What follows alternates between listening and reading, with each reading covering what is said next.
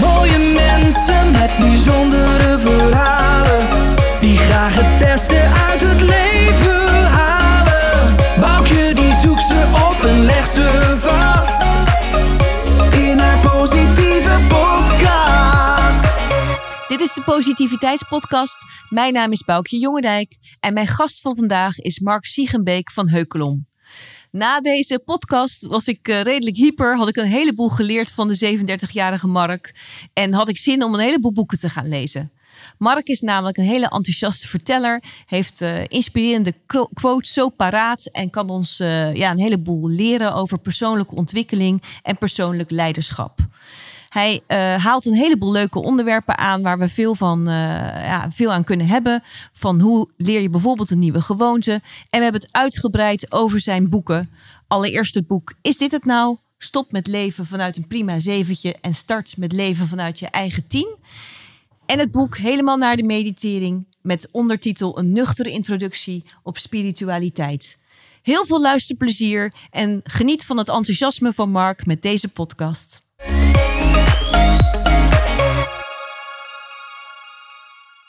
Mark, goedemorgen. Goedemorgen. Volgens mij eh, zit jij ergens in eh, Utrecht Klopt. Ja, en ik in eh, Oosterhout. En vanwege alle omstandigheden doen we het even leuk. Ja, gewoon zo. Hartstikke leuk. En Ja. nou ja, dat gaat helemaal goed komen. netjes binnen de regels, toch? Precies. We Ja. zijn heel erg braaf. Hey, ehm, hartstikke leuk. Marnies Kluiters die heeft mij jouw naam genoemd. Ik had jouw boeken al voorbij zien komen. Jouw bestsellers die je hebt geschreven. Ik heb ze hier bij me. ja, Eh, is dit het nou? En helemaal naar de meditering. Waarvan Ja. mijn dochter zei van, oh, meditering. dus die titel die doet het bij iedereen weer op een andere manier heel erg goed. mooi. Ehm, ik vind het super leuk om jou te spreken. Want je bent ook heel erg veel bezig met persoonlijke ontwikkeling. En heel, ja, je hebt een onwijze positieve vibe. Alles wat ik voorbij zie komen. En eh, nou, je hebt inmiddels ook een heel mooi eigen bedrijf. De Startup of Dreams. Waarvan ik eh, daar achter jou het mooie logo zie hangen. ja, goede reclame. Ja. En ehm, ja, ik zou het leuk vinden als jij nog eh, iets over jezelf gewoon wil vertellen. Iets waarvan je zegt van nou, dan weten mensen een beetje wie ik ben. Er zijn al veel mensen die jou waarschijnlijk kennen. Maar Ja. ook voor de andere luisteraars van eh, hartelijk welkom. En eh nou, Ja. the floor is yours. ja. Ehm, even kijken, nou dan ga ik proberen om dat, dat eh, eh, eh, volledig, maar niet te volledig te doen. Ehm, wie ben ik? Nou, ik, ehm, eh, ik, ik hou mij bezig inderdaad met persoonlijke ontwikkeling en persoonlijk leiderschap. En wat ik vaak zeg is dat ik eigenlijk in, in mijn tijd, dat ik mijn tijd in drieën in, indeel. Eh, Een derde ben ik één op één met mensen bezig met, met coaching. Eh Mhm. Een derde eh, sta ik voor de groep, dus workshops, trainingen, lezingen en dergelijke. En een derde ben ik aan het ontwikkelen. En dat, zijn, dat is boeken schrijven, online courses maken, dat soort zaken. Ehm, de thematiek is. ehm, ehm, nou, die hangt, die hangt wel eh, enigszins aan, uiteraard, hè, aan, aan mijn boeken vast. Dus mijn eerste boek is Dit het nou? Dat gaat echt over het, het sentiment dat de young professional op een gegeven moment heeft als hij één of twee of drie of net wat langer jaar in zijn, eh, in, in zijn baan zit en op papier zijn leven perfect voor elkaar heeft, maar ergens niet voelt dat het hem of haar gelukkig maakt. Eh, en dan dus het, is dit het nou sentiment ervaart van ja, ik doe nu alles wat de maatschappij van mij verwacht en waarom voel ik het dan niet? Nou, eh, met die mensen ga ik in de coaching aan de slag om ehm, eh, nou, echt vanuit persoonlijk leiderschap en, en, en de nodige, het doormaken van de nodige persoonlijke ontwikkeling om meer koers te bepalen voor het eigen leven. De- Dus, ehm, en, en dan een stuk minder leven naar de verwachting van de maatschappij en een stuk meer de eigen dromen volgen. Hè? Dus vandaar de Startup of Dreams, mijn, eh, mijn bedrijf. Ehm, en ehm, in toenemende mate merk ik dat het ook. gaat het goed nog? Of, eh? Ik hoor jou nu even niet meer. Ja, sorry. Er ging Oh. iets, eh, Ja, daar zijn we weer. Gaan gewoon verder. Viel ik weg ook of niet? Ja, ik hoorde jou niet meer. Nee. Nee, de, de oortjes zijn, eh, zijn afgekoppeld. Oh. En anders doe je het gewoon zo. Ja, we doen het gewoon zo. Ik ga ook gewoon zo zitten. Hoor je mij nu? Ja. Ja, perfect. Gaan we gewoon verder. Sorry, Mark. Ja. Oké, no worries. Ehm, tot waar hoorde je het? Want dan pak ik daar de draad op. Dat is misschien het handigste. Ehm, jij was aan het vertellen over, eh, is dit het nou als je als jong professional... Ja. eh, Ja, dus, dus, dus dat sentiment hè, van. ehm, en nou heb ik, eh, dus ik heb alles gedaan wat de maatschappij van mij verlangde, verwachtte. En op papier klopt mijn leven. Maar nou ervaar ik dat zelf niet. Ehm, dus, dus die mensen help ik om meer persoonlijk leiderschap eh, te pakken in hun leven. En, en de nodige persoonlijke ontwikkeling door te maken. Om ook de juiste tools en handvatten en, eh, en gedrag en overtuigingen aan te meten. Ehm, om, om dus meer te kunnen leven naar de eigen behoeftes, verlangens, et cetera. En, en dus de eigen dromen ook te kunnen volgen. Dus vandaar de Startup of Dreams. Ik, ik, ja, ik vind het gewoon, als iemand mij vertelt wat zijn of haar droom is, dan, dan gebeurt er bij mij iets. Dan ga ik gewoon helemaal, oh, kom op, dat gaan we, weet je wel, dat kan, dat kan, kom, we gaan het doen. en wat is Eh, jouw droom, Mark? Want eh, Wat jij- zei je? Nou, ik ben dan ook heel benieuwd naar jouw droom. Want jij zegt net van ik deel het heel mooi in drie eh, dingen op. Hè? En dan heb je natuurlijk ook nog, je vertelde net, je hebt ook een, een, een klein kindje ook. En je hebt natuurlijk nog een heel ander leven dan Ja, alleen ja. Het, het zakelijke. En ja, jouw jouw ogen gaan stralen als iemand een droom heeft. Maar waar ga je zelf eh, helemaal op aan? Ehm, nou, ik geniet wel echt enorm van ehm, eh, nou, bezig zijn met persoonlijke ontwikkeling. Dus bij mezelf of met anderen. Dus, dus ik, bij mij, hè, de, de- ik vind vaak een, een, een graadmeter ehm, van, van hoe kloppen de dingen die je doet als je, als je in flow terechtkomt. Dus bij mij kan coaching, dat kan, ik doe coachsessies van twee uur en, en enkele keer van vier uur. Dat, dat vliegt soms voorbij, omdat ik het gewoon, ehm, ja, dan zit ik er helemaal in. En ik krijg enorm veel energie van kwetsbaarheid. Dus ik, waar ik echt, echt energie op verlies is eh, mensen met maskers die heel, heel tof doen, eh, maar stiekem van binnen diep onzeker zijn. En als je dan bij mij komt voor een coachsessie, prima, weet je wel, dan ga ik je daarbij helpen. Maar, maar ehm, eh, nou ja, bijvoorbeeld bedrijven waar iedereen met een masker rondloopt, dat, dat- dan, dan, dan zuigt dat zuigt alle energie bij mij weg. Eh, dus, dus mensen eh, eh, die, die zichzelf laten zien, die delen waar ze nog niet zo goed in zijn, waar mensen waar ze mee worstelen, et cetera. Ehm, ja, dat vind ik heerlijk om, om het te hebben over hoe het echt is, hoe het echt gaat, wat je echt wil. ehm, en daar dan stappen in te zetten. En, en, en, en, en dat geeft mij de permissie, maar door het eerst ook zelf te doen, geef ik ook de permissie aan anderen om dat ook te doen. Dus door gewoon lekker open boek te zijn, eh, wordt het voor iedereen makkelijker om, ehm, om kwetsbaar te zijn en, en dus vanuit daaruit stappen te kunnen zetten. Dus eh, dat kwetsbaar is een stuk bij, mij. Ehm, mensen helpen met persoonlijke ontwikkelingen, dat zelf ook doen. Ehm, eh, voor mij is vrijheid enorm belangrijk. Dus ik, ik werk niet voor. Ik, ik ben echt iemand die uit eigen beweging zelfstandig is geworden. Dus in mijn droom bepaal ik elke dag wat ik zelf ga doen. En nou ja, dat is nu wel best wel redelijk zo. Dus ehm, eh, ik, ik, ja, ik ben natuurlijk ook al jaren bezig om bepaalde, aan bepaalde knoppen te draaien. Om, om steeds meer zo te leven zoals ik het zelf eh, prettig vind. Mhm. En ehm, nou, tot, op, tot op grote hoogte lukt dat. En, en niet met alles. Dus eh, een droom die nog in ontwikkeling is, die een soort van een klein beetje gelukt is, maar, maar misschien niet zo, zo ver als ik zou willen, is ehm, eh, bijvoorbeeld financiële vrijheid. Dus ik, ik, ik kwam ooit van alles tegen over ehm, eh, financial freedom en passive income en, en nou, noem maar op. Best wel in verdiept. Ehm, overigens zonder ehm, die andere dromen los te laten. Dus ik kan, ik kan niet met geld bezig eh, om geld. Maar ik vind het wel belangrijk om met geld bezig te zijn binnen de kaders van wat ik leuk, tof, belangrijk vind. Maar dat geld geeft je ook weer vrijheid, hè? Van, eh, dat, dat is natuurlijk ook, als je zegt vrijheid. maar ik wil, ik wil niet bloedgeld verdienen met, door mijn ziel te verkopen met iets wat ik niet leuk vind. Om dan te zeggen, nou nu heb ik de vrijheid. Dus het moet wel een beetje hand in hand gaan. Maar, Mhm. maar ik ben toen ook op zoek gegaan naar wat. Waarom wil ik eigenlijk. Hè, als, stel dat ik financieel vrij wil zijn, waarom zou dat dan zijn? En bij mij werd, kwam het antwoord vrij eh, duidelijk inzetten. Ja, ik wil gewoon zelf bepalen hoeveel tijd ik later mocht de kinderen kunnen krijgen. Hoeveel tijd ik met hen doorbreng. En hoeveel tijd ik aan het werk ben met andere dingen. En ehm, eh, ik merk, ik, ik besef me nu wel. Dus mijn vriendin die werkt in de zorg en die heeft gewoon een hele drukke baan. Dat ik ben degene die eh, ons zoontje naar de, de kinderopvang brengt en haalt. En eh, nou, ja, nu ook deze. Ik ben ook even met verlof geweest begin van deze maand, zodat zij rustig weer aan het werk kon. En dan besef ik, dan besef ik wel hoe, hoe fijn het is dat dat kan. Dat ik dus niet vastzit aan een baan waar ik bepaalde dingen moet. eh, maar dat ik het zowel nou, tot, dus tot op zekere hoogte financieel. ehm, en, en dat is allemaal ook lastig door corona, want daar is ook heel veel veranderd. Ja. Maar zeker qua, qua, ehm, dus, dus, dus tot op zeker ook qua financiële vrijheid, maar sowieso qua, qua vrijheid, qua keuzevrijheid en beslismogelijkheden. Ehm, ja, ik, ik, kan het allemaal zelf indelen. En dat vind ik wel echt, uh, echt super prettig. Dus dat is ook een, ook een onderdeel van mijn droom.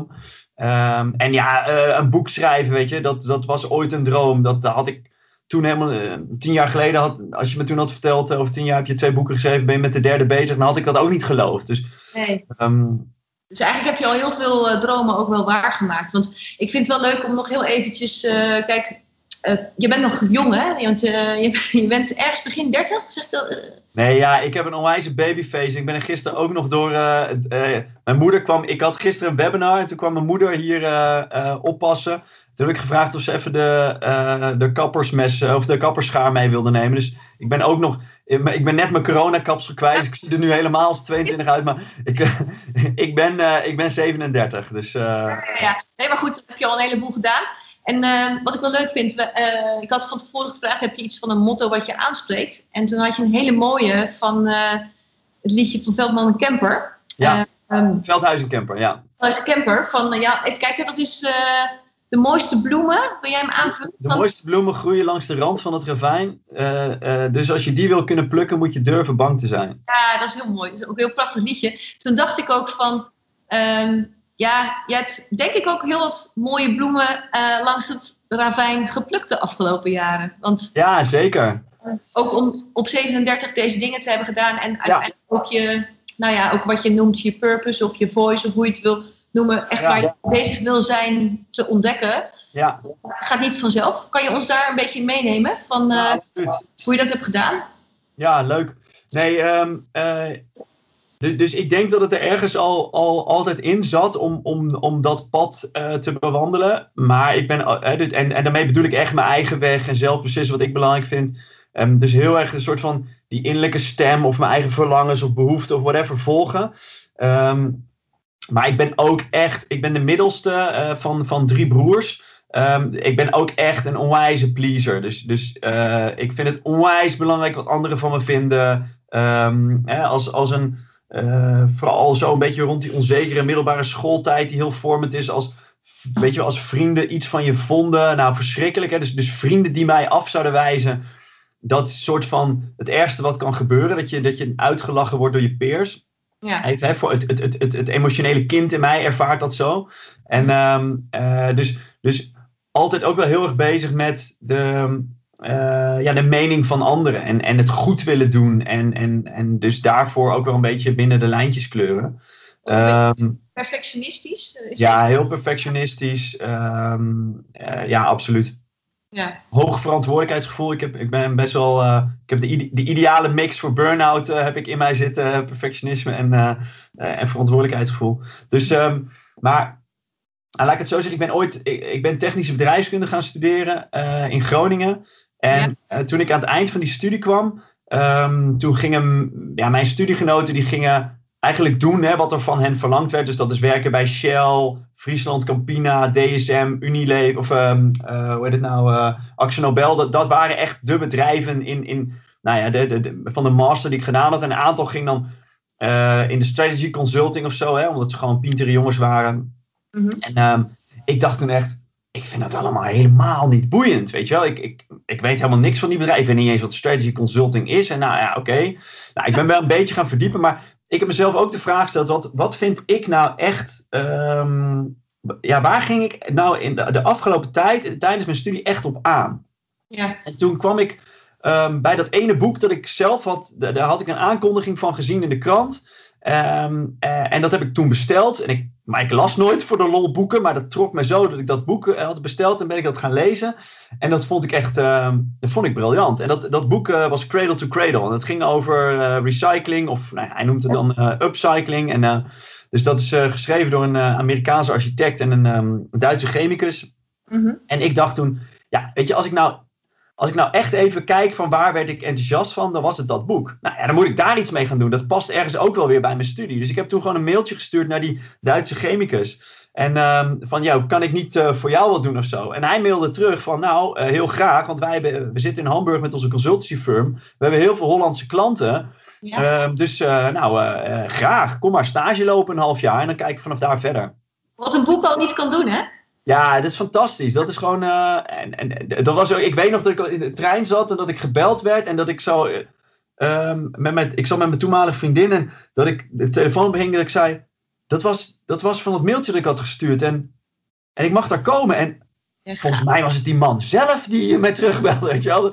Ja, hij was toen echt een grote held voor mij. Het was, was geweldig dat ik daar iets mocht doen. Ja, ik heb dat, dat een half jaar gedaan. En, en, en, en daar zit, zat voor mij ook weer een grote les in. Dat eh, na een half jaar was ik. Ik, ik zat echt in. Maar dat, dat was niet technisch. Eh, ehm, Ja, het was ook technisch. Zeker ook technisch eigenlijk wel. Dus het sloot, het, eigenlijk was, was, het sloot het prachtig aan bij mijn studie. Maar dat wist ik van tevoren niet. Want eh, het was eigenlijk change management in bedrijven. Hè? Dus, dus hoe ga je van een lineair businessmodel, een lineaire producten en diensten naar een circulair model. Ehm, eh, met, met een grote technische component. Dus dit was een chemicus, dus die, die lichtte alles door. Precies op welke ingrediënten zitten erin, hoe toxisch is het, et cetera. Dus eh, dat, dat sloot eigenlijk wel heel mooi aan. Ehm, dus en, en ik besefte ook toen dat ik, ik zat in het epicentrum van de, van de duurzaamheid. Dus, dus in Nederland was net de tegenlicht documentaire over Cradle to Cradle geweest en over de circulaire economie. En ja, dat, dat liep echt als een, eh, als een trein. Dus Ja. ik vond, inhoudelijk vond ik het helemaal te gek waar ik zat. Maar ik liep, realistisch, hè? Van, eh, wel mooi. Ook gewoon, eh, daar, kan je, daar kan je ook iets voor de wereld mee. precies, precies.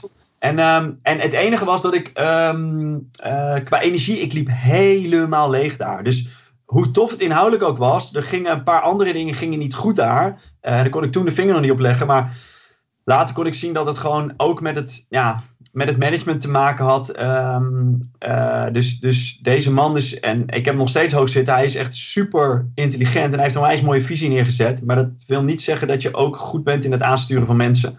Eh, en dat ging gewoon echt vaak mis. Niet alleen bij mij, maar ook bij veel andere mensen. Dus ehm, eh, op dat aspect liep ik gewoon helemaal leeg. En, en dan vraagt het dus ook op zo'n moment om weer hè, true to yourself te blijven. Te zeggen, ja, dan, dan, dan kap ik dus hier. En dat vond ik wel een bittere pil om te slikken. Ja, want dan eh, inhoudelijk heel tof. Maar de organisatie, bedoel je dat eigenlijk? Van, eh, dat je Ja. waar je mee liep? Ja, dus, dus de, de, de waarden die eh, daarmee ook in het bedrijf en de normen en waarden die, die daar. Hè, dus helaas was het verloop was best wel hoog. Veel mensen die met een idealistische blik daar terecht kwamen. Maar Ja. die ook weer weggingen omdat ze niet met hem om konden gaan. Of met de mensen die daar bleven die wel met hem om, kon ga- om konden gaan. Dus ja, gewoon super zonde. Want eh, nog steeds een briljante visie, maar dat, dat liep gewoon niet zo goed. Maar ik kwam er, hè, dus ik kwam er ook achter. Dus, dus enerzijds vond ik het super moeilijk om met. Ik merkte dat ik, dat ik nog best wel goed iets hips, nieuws, tof, avontuurlijks kan beginnen. Maar met iets stoppen wat niet meer werkt, dat vond ik echt. Dat vond ik misschien nog wel lastiger dan. ehm, eh, hè, dus dus, dus dat, dat is natuurlijk ook onwijs spannend. Hij is ook van, vanwege het pleasen. En, eh, Ja, dus- zeker, zeker. Maar ook gewoon daar ja, minder bekend mee zijn met, met, met stoppen en je verlies nemen en afscheid nemen en dat soort zaken. Ehm, dus ik had wel een goede manager daar die op een gegeven moment zei: Mark, moet jij niet gewoon weg hier? Ik zo, denk jij dat ook? Weet je oké. dat, dat ravijn. Dus, ehm, en, en, en toen ben ik bij mezelf te raden. Dus toen heb ik wel even een, een beetje soul searching gedaan. En bij mezelf te raden gaan van ja, en, en, en nu dan? Ehm, en toen toch maar weer terug gaan kijken. Ja, maar wat was dan een andere rode draad? Wat vond ik dan tof tijdens mijn studie? En toen kon ik zien dat het die persoonlijke ontwikkeling was. Dus ik was eigenlijk, ja, ik deed die studie, maar ik was vooral met die extracurriculaire activiteiten voortdurend bezig. Mhm. En, en toen zag ik in, ja, weet je, dat gaat gewoon over mezelf ontwikkelen. Een traineeship. Ik moet gewoon een traineeship gaan doen. Dat is, dat is briljant. Nou, toen eh, is het me gelukt om binnen te komen bij het Ormit traineeship. Oh ja, ik eh, heb een vriendinnetje daar eh, zitten. Ja. Leuk, ja. Ja, Ja, dus en, en uh, Ormit, echt fantastische club. Dus, ehm, eh, dus, hun, dus zij zijn leiderschapsontwikkelaar. Dus hun, hun primaire proces is mensen opleiden tot, tot leiders, managers, leidinggevenden. Ehm, en, en ze nemen je aan, maar ze detacheren. Dus ze hebben zelf voor de rest geen, geen primair proces waarin ze, je of, eh, waarin ze je inzetten. Ze detacheren je bij grote multinationals in het bedrijfsleven. ja, en is het ook. de- ik heb altijd in. Ik, ik ken het niet helemaal, maar ik heb de indruk dat je daar ook heel veel eh, goede coaching krijgt. Ja. Ja. Remco Klaassen komt voorbij en mag je die eerste dagen heen en veel cursussen. En, is dat Ja. zo? Van, eh, Nee, dat klopt. Ja, dus ja, Remco mag je aan het einde heen. Dus eh, dat zit wat later in het traject. Ehm, hè, dat is een soort van de, de, de, toetje, de kerst op de taart. is eh drie, drieënhalve dag bij Remco jezelf helemaal kapot lachen en, en heel veel leren. ja. Ehm, maar, maar in het traject daarvoor zit onwijs veel coaching, ehm, intervisie, Ehm, dus, dus learning on the job. Dus je, wordt, wordt echt je, je, gaat gewoon dingen uitproberen op je, op je, op je werk, uh, op die verschillende opdrachten. Je neemt een kijkje in de keuken bij verschillende bedrijven, steeds een half jaar ongeveer op opdracht. Ehm, en trainingen, een super goede training ook uh, intern bij Om het zelf. Leuk, ja. En, en daar kwam ik erachter. En dat is dus. Hè, dus het, is, het is ook niet in één keer af. Hè. Het is niet dat je één keer je pad bepaalt. En dat is dus wat, wat mijn purpose is of mijn droom die ik volg. Het is echt trial and error. En ik kwam er toen achter dat ik opgeleid werd tot manager of leidinggevende. Maar dat ik nou zo tof vond wat die coaches en die trainers deden. Daarvan, weet je wel. Dus ik kocht tijdens dat traineeship kocht ik een ander boek dat voor mij heel, heel belangrijk werd. En dat was The Seven Habits of Highly Effective People van Stephen Covey. Dat was, dat was geen moedje binnen dat traineeship. Ik had daarvan gehoord en ik las dat. En ik dacht, deze man weet waar hij het over heeft. Dit is helemaal te gek. Ja. Um, Mark, uh, wat me heel erg opvalt, en dat vind ik heel gaaf. Ik hou heel erg van uh, quotes en mooie teksten en dat soort dingen. Dat is ook een beetje de reden dat ik bij elke gast probeer een, een mooi motto te krijgen. Want het is zo leuk omdat ze steeds bijzonder zijn. Hè? Er zijn sommige die hoor je wel vaker, maar ook wat jij nu, je pakt het zo'n prachtig liedje. En dat is heel mooi. Maar als ik jouw boek lees, allebei de boeken, dan zie ik waanzinnige teksten steeds voorbij komen. Uh, ook steeds super to the point op het onderwerp waar je dan uh, over schrijft. Met, met uh, altijd de bronvermelding erbij van wie dat mooie is. Toen was jij net begonnen met allerlei boeken tot je te nemen. Je zei ook van in die periode kwam Stephen Covey voorbij. Ja. Inmiddels ja, heb jij heel veel gelezen. Dat blijkt ook uit al jouw mooie spreuken en zo in je boek. En mijn vraag is eigenlijk van, is Covey nog steeds een van jouw favorieten en inspirators? Of... Ja, ja absoluut. Hij, wat hij gewoon in, in dat boek Seven Habits, maar ook zeker in die Eighth Habit doet, wat ik, wat ik heel tof vind, is dat hij eigen, dus hij schrijft een, een managementboek, hè, een leiderschapsboek. Maar ja. het is voor iedereen toepasbaar. Dus hij, alle, nee, niet alle voorbeelden, maar heel veel voorbeelden gaan gewoon over zijn gezinsleven. Over hoe hij samen met zijn vrouw worstelt met um, de, de ontwikkeling van een van zijn zoons die in hun ogen uh, niet goed loopt. En hoe ze weer bij zichzelf te raden moeten wat, wat het over hun zegt. Uh, hoe die de taken thuis verdeelt. Hoe die uh, omgaat met een situatie ergens in een, in een metro. Weet je wel? Hij op, de, op alledaagse dingen laat hij zien dat, dat iedereen leiderschap kan tonen. En, en, en, en dus dat iedereen op zijn minst persoonlijk leiderschap kan tonen door zijn of haar eigen weg te gaan. En uh, ja, dat vind, ik, dat vind ik fenomenaal. Dus Covey heeft, um, dus Covey las ik redelijk aan het begin toen ik ergens, eh, nou ja, dat, dat Cradle to Cradle boek was ongeveer een van de eerste boeken die ik zelfstandig uh, kocht en, en las. Toen heb ik nog um, op een gegeven moment A Small History of Nearly Everything van Bill Bryson gelezen. En dat boek zette me, zette me toen ook wel echt aan. Dat ik dacht, wow, dit is zo cool. Er zijn, dus, dus ik dacht dat als je boeken las, dat je dan romans of zo moest lezen. Maar ik vond ineens de non-fictiehoek. En ik dacht, wow, dit is echt... Ik ben best wel een nieuwsgierig, leergierig type. En daar kwam ik dus achter. Um, dus toen ging ik allemaal ja, uh, zelfhelpachtige boeken en dat soort dingen lezen. Van, ja, die, die, en leiderschapsboeken. Um, en, en Covey heeft toen heel lang op één gestaan. En die is eigenlijk pas een jaar of twee geleden ja, als het dan zo werkt, hè, naar, naar plek nummer twee verdrongen. En, um, en, en, nou, door wie dan? Uh, door uh, niemand minder dan uh, Yuval Noah Harari, die Sapiens en Homo Deus en 21 Lessons for the 21st Century schreef. Ja. Um, en eigenlijk die, nou ja, toen ik die twee, eerste twee boeken had gelezen, dacht ik, ja, dit, ik vind dit wederom zo briljant. Die man die weet zo'n overzicht te, te, creëren in, in zoveel complexe materie. En, en daar met zo'n andere, zulke andere ogen naar te kijken. Dat, um, en kan jij um, voor wie uh, het niet kent, zeg maar, uitleggen wat, wat jou daarin uh, zo aanspreekt? Van... Ja, het is wel echt anders hoor. Het is echt een ander soort boek dan, dan, dan Covey. Maar dus ik denk dat ik Covey nodig had om, om um, mezelf beter te begrijpen en, en mensen beter te begrijpen. En um, een beetje, um, ja, eindelijk ook wel na een, een, wat existentiële zoektocht van wie ben ik eigenlijk, wat doen we hier nou op aarde, weet je wel? Gewoon, ja, ik zat daar ook heel erg mee. En Covey zei eigenlijk, ja, weet je, even nog buiten of je daar een antwoord op kan vinden. Je kan tot die tijd in ieder geval je eigen antwoord formuleren. Uh, dus, dus bepaal, gewoon je, bepaal zelf waarom je hier bent en ga, ga erachteraan. Nou, dus dat, dat was heerlijk. Dus, dus hem had ik daarvoor nodig. En, en Harari die kijkt naar. Dus de ondertitel van Sapiens is um, A Short History of Humankind, volgens mij. Mm -hmm. En um, dus hij beschrijft eigenlijk hoe uh, de mens, en dan zegt hij de Homo sapiens, hoe die ontstaan is. En, ehm, en hoe vanaf daar tot nu toe het gelopen is. En, en wat hij onderzoekt is, er was niet één type mens, want je had ook, uh, je had homo sapiens, maar um, uh, de, ook de Neandertaler en de homo huppeldepup. En, dus er waren iets van vier of vijf um, uh, soorten mensen.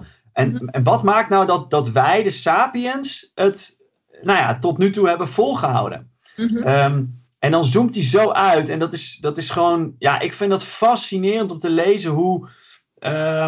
Wat, wat hij dus ook dan beschrijft als de deciding factor is dat hij zegt dat is eigenlijk religie. En dan niet in de, de nauwe zin van het woord, maar dus, dus hij zegt: Mijn definitie van religie is dat je met z'n allen uh, in iets gelooft dat eigenlijk niet zo is. En, en, en dat kan een klassieke religie zijn, mm -hmm. maar dat kan ook zijn een, um, uh, een, een um, een BV of een NV als, als, weet ik veel, de ING-bank. Hij zegt, dat bestaat niet. Je kan dat niet aanraken. Dat is helemaal niks. Maar als iedereen daarin gelooft, dan ga je samen met elkaar dingen doen, waardoor je tot grotere hoogte stijgt dan, dan elk ander soort kan. Mm -hmm. Dus, dus uh, er zijn geen, uh, weet ik veel, uh, waterbuffels die met z'n allen geloven dat er een of andere, um, weet ik veel, dat er een of andere community is die van belang is, waardoor ze hele, hele hoge gebouwen neerzetten. Dus, dus wij ik heb ooit onder het ene hoogste gebouw ter wereld gestaan op dat moment. Dat, dat was in Shanghai. Ja, ja. Ik, ik, viel echt bijna van mijn stokje. Het was, dat is zo raar om te beseffen dat, dat wij mensen dat kunnen maken. Dat is gewoon echt crazy. En, en, en, en Harari legt uit hoe dat kan. Dat we, dat, ja, het is omdat we met z'n allen dan kunnen geloven dat het van belang is om dat ding te bouwen. Ja, maar dat is de community. Gewoon, uh, uh, wat dan heel belangrijk is. Van, wat zei je? nou, community is dan heel belangrijk daarin.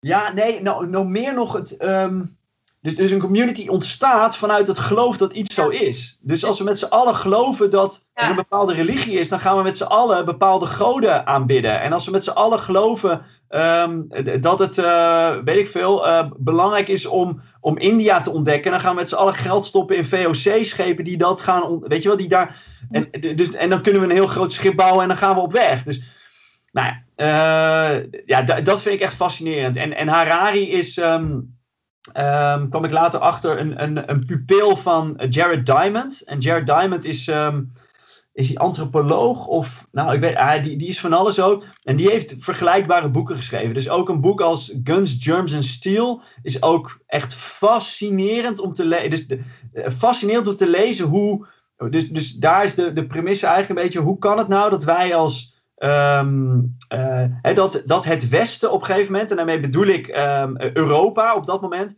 dat ja. die afreizen naar Zuid-Amerika of eigenlijk naar, naar de, de, Amerika's en, en daar de boel overnemen. Waarom was dat niet andersom? Weet je, was dat toeval? En uiteindelijk, soort van, als ik het heel kort moet samenvatten, zegt hij het. Ja, omdat uh, uh, de Amerika's lopen primair verticaal. Dus de belangrijkste as is verticaal. En die van Europa is horizontaal.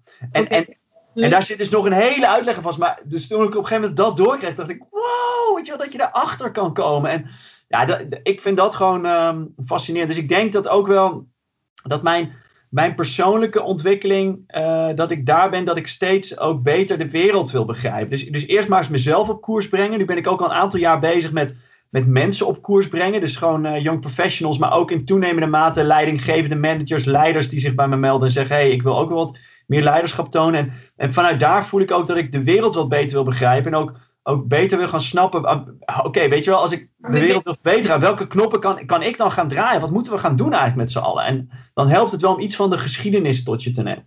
Mooi. Ja, en volgens mij ben je met je boeken ook aan bepaalde knoppen gaan draaien. ja, zeker.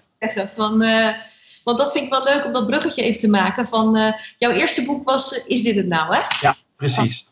En met ondertitel Stop met leven vanuit een prima zeventje en start met leven vanuit je eigen team. Ja. Wat we hier ook een beetje proeven in, naar aanleiding van jouw verhaal hiervoor is, ja, je, je bent jezelf helemaal gaan ontdekken, tenminste ja. onderzoeken en uh, ook heel veel studie gedaan en, en uh, nou ja, cursussen, et cetera. En jij bent dat eigenlijk in dit mooie boek voor anderen ook toegankelijk gaan maken. Zeg, ja. zeg ik dat goed of niet? Ja, dat zeg je heel goed. Dus um, um, Dus door, door uh, het volgen van een traineeship bij Ormet, het lezen van een boek van Covey, het zitten bij in een 3,5 daags van Remco Klaas, door, door dat soort uh, inzichten tot me te nemen, kwam ik erachter dat uh, eigenlijk dat moment voordat ik het boek van Covey las, dus dat, en dat viel een beetje samen met rondom die eerste baan van het halfjaar in, in Duitsland. Dat ehm, ik ben toen, heb ik me ooit gemeld bij een psycholoog. Omdat ik, ja, ik worstelde echt met vragen als wat wil ik eigenlijk met dit leven? Wat, wat, wat doen we hier? Wat moeten we hiermee? En, ehm, en ik had last van keuzestress, want ik kon genoeg kiezen, maar ik wist niet wat ik dan wilde. En nou, ik vond het me allemaal lastig. En ik, ehm, Millennial uh, problems. typische millennial problems, maar ook, en ik, dat, dat zag ik later, ehm, gewoon een dikke vette quarterlife crisis. Dus ik zat gewoon, ehm, ja, eh, eind, eh, het eind van mijn twintig jaar gewoon met allemaal existentiële en, en, en, en, en koersvraagstukken, waar ik gewoon geen antwoord op had. Ehm, en ik vond dus al lezende en, en, en, en mezelf ontwikkelen steeds meer antwoorden. En ik dacht, oh, dus op een gegeven moment had ik zoiets van, weet je, er is gewoon, er zijn gewoon handvatten, je kunt hier wat mee. Waarom? En, en dat kwam ook omdat toen ik bij die psycholoog zat, dat was een ontzettend geschikte, vriendelijke vent. Maar ik proefde wel een beetje iets van, oké, dus je bent niet depressief, je hebt geen burn-out. eh, hij, kon- geen label erop plakken. En nou, ik Ja. voelde wel een beetje, wat doe je hier? Mhm. Ehm, en en ja, dat, dat maakt. Dus ik voelde niet helemaal de permissie om dat, weet je, om dat lekker dat onderwerp aan te grijpen en met positieve spirit, weet je wel, je, er beter uit te komen. Het was meer een beetje van ja. Ja, ik had, ik had eigenlijk het idee dat ik een beetje tijd verdeed, omdat die patiënten hadden ook die, echt, weet je, die echte klachten hadden. Ja, maar dat is, dat is eigenlijk ook wel weer van, eh, eigenlijk, ja, bagatelliseer je het dan, hè? Want eh, dan, kennelijk heb je dan het gevoel van, dat mag er niet zijn. Van, eh, Ja. wat zeur ik nou? Ik heb het toch allemaal goed? En, En, en ik kreeg dat idee, dus ik wil niet zeggen dat, dat hij me dat bewust gaf, maar dat was gewoon meer uit zijn onbekendheid ermee, denk ik. Ehm, dat hij het gewoon niet kon plaatsen en dat ik dat een beetje proefde. Ehm, en dat maakte wel dat, ehm, dat ik op een gegeven moment ook inzag van ja, maar dit zijn de mensen die ik wil helpen, die, dus, dus die met dezelfde thematiek worstelen als ik. Want er zijn gewoon antwoorden. Dus je kunt, je, je hoeft niet een quarterlife crisis uit te zitten en te hopen dat het een keer overgaat. Sterker nog, ik geloof daar niet zo in. Want want, en, en dat is wel tekenend voor, typisch is dit het nou gevoel van quarterlife crisis, dat, dat is, vaak is dat dat zesje of dat zeventje. Dus het zit niet helemaal lekker, maar het is ook geen onvoldoende. En ik, dus toen ik zelf het roer had omgegooid en toen ik na Oormid eh, voor mezelf was begonnen, omdat ik, dat ik met training en coaching mensen wilde helpen, mhm. Ehm, toen weet ik nog dat ik op een gegeven moment met wat vrienden zat ik in, in Amsterdam op een terras, eh, zaten wat te drinken. En ehm, ja, die, die vroegen van, yo Sieg, eh, hoe gaat het allemaal? Voor jezelf begonnen? En, en ik was helemaal enthousiast aan het vertellen, nou, ik ben nu deze cursus aan het volgen en ik ga binnenkort deze training geven. En ik, ja, ik, ik stuiterde echt een beetje over het, het spannende, maar ook superleuke avontuur waar ik aan begonnen was. En toen na een tijdje vroeg ik, hey, en, en hoe is het bij jullie? Eh, nou, die ene werkte op de Zuidas. Ja, ja, dat is gewoon eh, wel, ja, wel prima. Gewoon, eh, ja, ja, prima hoor. De volgende, ja, die werkte bij een, een of andere, andere hip bedrijf. Die zei ook, ja, nee, ook gewoon, ja, gaat wel lekker. En ik dacht, nou, wat ongeïnspireerd dit, weet je wel. Dit, nou, dat ik in plaats van het voor hun dacht, is dit het nou? Ja, weet je, Mark, weet je wat ik wel grappig vind? Ehm, je komt, ehm, tenminste, in, vaak in actie komen mensen pas als er urgentie is. Hè? En jij zegt eigenlijk ook van, ja, we zitten daar wel lekker, eh, salaris komt binnen en eh, bla bla bla. Dus natuurlijk eigenlijk pratende vanuit een luxe positie. Ja. Waarom ben jij dan wel in actie gekomen? Want eigenlijk zeg jij ook van jezelf van, nou ja, het was allemaal wel oké. Eh, als ik me grote levensvragen ging stellen, dan kwam daar niet echt een fijn, ja, bevredigend antwoord voor mezelf op. De knaagde iets zelf, zo, zo zeg Ja. ik. Maar jij bent wel degene die dan uiteindelijk... ehm, wat heeft je tot actie aangemaand of ge- aangespoord?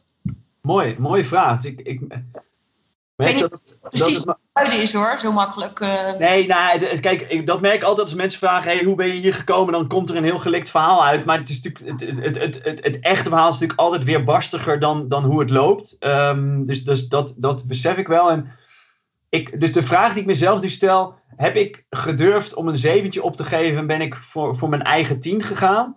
Of was het voor mij toch ergens onvoldoende? En, en nog even om te nuanceren, want daar krijg ik vaak kritiek op. Ehm, dus ik zeg niet iedereen moet een 10 hebben, want dan kom je nog weer meer in die millennial shit terecht. Met, weet je, dan wordt de druk nog hoger. Nee, het gaat mij echt om je eigen team. Dus dat kan iets zijn waarvan, hè, dus als jij, weet ik veel, kippenknuffelaar wil worden, ik, geen idee hè, dan, dan zal de hele wereld zal zeggen, ja, dat is echt geen 10 hoor, dat is, dat is een 3. Maar als jij dat fantastisch vindt, is dat dus je eigen team. Hè, Ja. dus, dus, dus daar probeer ik mensen heen te helpen. Ja, en wat ik ook nog wel belangrijk vind, volgens mij zeg jij ook niet van eh, je moet naar een tien. Jij zegt ook, je, je, je ontkent ook niet dat er gewoon ellende mag zijn. Hè? Want dat vind ik ook altijd Ja, zeker. verhaal. Van, Eh, het is niet alleen maar eh roze geur en maneschijn. Nee. Maar weet je, ik, ik, ehm, volgens mij kan het prima samengaan dat je zegt: Oké, ik streef naar een team. Maar ik besef me ook dat ik, weet je wel, dat het dat niet elke dag leuk is. En, en ik geloof ook, je hebt zo'n mooie quote. eh, misschien is geluk wel eh, blij zijn op de blij momenten, verdrietig op de verdrietige momenten. Dat is mooi. Hè? En, en dus dat hoort er ook bij. Dus het is niet dat als je een team leeft, dat je, dat je, eh, weet je, dat je nooit verdrietig bent of boos of whatever. Het is veel meer dat, dat het dan oké is dat je verdrietig bent en boos bent, omdat het bij het leven hoort, et cetera. Maar ik, waar, waar ik persoonlijk niet zo van hou, omdat ik dat een beetje, een beetje cynisch vind, is mensen die zeggen, ja, het kan toch niet, dus waarom zou je er naar streven? En Mhm. dus ik doe het ook wel in coaching. Zeg maar in de eerste sessie die ik met mensen doe, laat ik ze ook eh, een scalingsopdracht doen. Dan, dan, dan zet ik eh, post-its van 1 tot met 10 op de grond. ehm, in een, nou, ja, in een, op een scale, zeg maar. En dan zeg ik, nou, ga, weet je, ga nou eens staan naar wat, wa- waar begin jij nu? Wat is het? Nou, de, de, mijn gemiddelde cliënt die gaat zo rond de 7 staan. Ehm, en ik vraag dan, en waar zou je heen willen? Nou, en dan, en dan, dan zijn er wel mensen die zeggen, nou, een 8 zou wel mooi zijn. Ja. En dan zeg ik, ja, weet je, dat is oké hè, en dat mag, en daar wil ik je best bij helpen, maar waarom niet hoger? Ja, dat kan niet, of je moet altijd nog iets hebben om nog weer verder te, naar te streven. Of, ja, Mhm. oké. Nou, dan wil ik je één vraag stellen. Ehm, stel nou dat jij inzet op een 8, wat is het hoogst haalbare? Mhm. Ja, een 8. Oké, stel dat je inzet op een 10 en dat je het niet haalt, waar kun je dan terechtkomen? Oh ja, ja dan kan ik wel tot een 9,5 komen. Hè, dus, dus, en, en waar mensen bang voor zijn, is op een 10 inzetten, maar het niet halen. Dus dat het maar, maar een 9 of een 9,5 wordt. Maar, maar neem van mij aan, weet je, you'll handle it. Dan kom je wel overheen dat het niet allemaal perfect is. Want helemaal als je van tevoren weet, dat zal niet helemaal zo zijn. Ehm, maar, maar, nou, maar heb alsjeblieft op zijn minst een beetje de ambitie om wat verder te komen. Want dat is de enige manier dat je ook een beetje in de buurt kan komen. En natuurlijk is er, elke baan heeft corvée. En er zijn altijd dingen die, die wat minder leuk zijn. Maar als je van tevoren er al voor settelt, ja, sorry hoor, maar dan, ja, dan gaat het gewoon niet vliegen. Dus, dus durf een beetje te dromen. En, en, en laat dat samengaan met dankbaarheid voor wat er op je pad komt. Hè, dus die twee hoeven elkaar niet uit te sluiten in mijn ogen. En is het dan bij jou zo persoonlijk dat je nou ja, een beetje ging dromen doordat je de dingen ging doen die je leuk vond en toen dacht van ehm, hier ga ik gewoon veel meer van doen? Is, is dat dan wat jou heeft doen besluiten ehm, echt, echt je werk ervan te maken? Of Ja, dus, daar- dus daar zitten steeds stapjes in. Dus daar, daar, ik kom daar steeds dicht langs dat ravijn. Hè? Omdat, ik, omdat ik mooie bloemen zie. En, en dan is het steeds een keuze wat je daarmee doet. En, en ik denk dat ik. ehm, dus, dus waarom kom ik in beweging? Nou, misschien was het bij mij geen 7, maar wel een 6 of een 5. Of op sommige vlakken een 4. Weet je wel. Ik denk dat ik daar echt wel geweest ben eh, soms.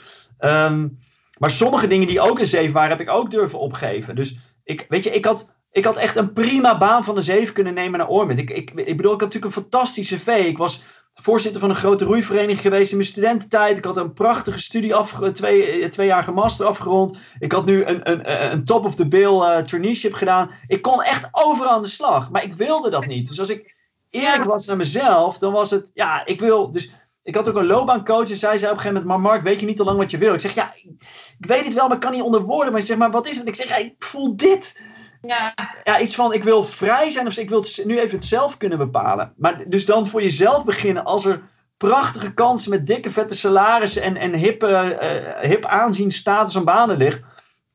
Dat is wel een zeventje opgeven voor iets wat spannend is.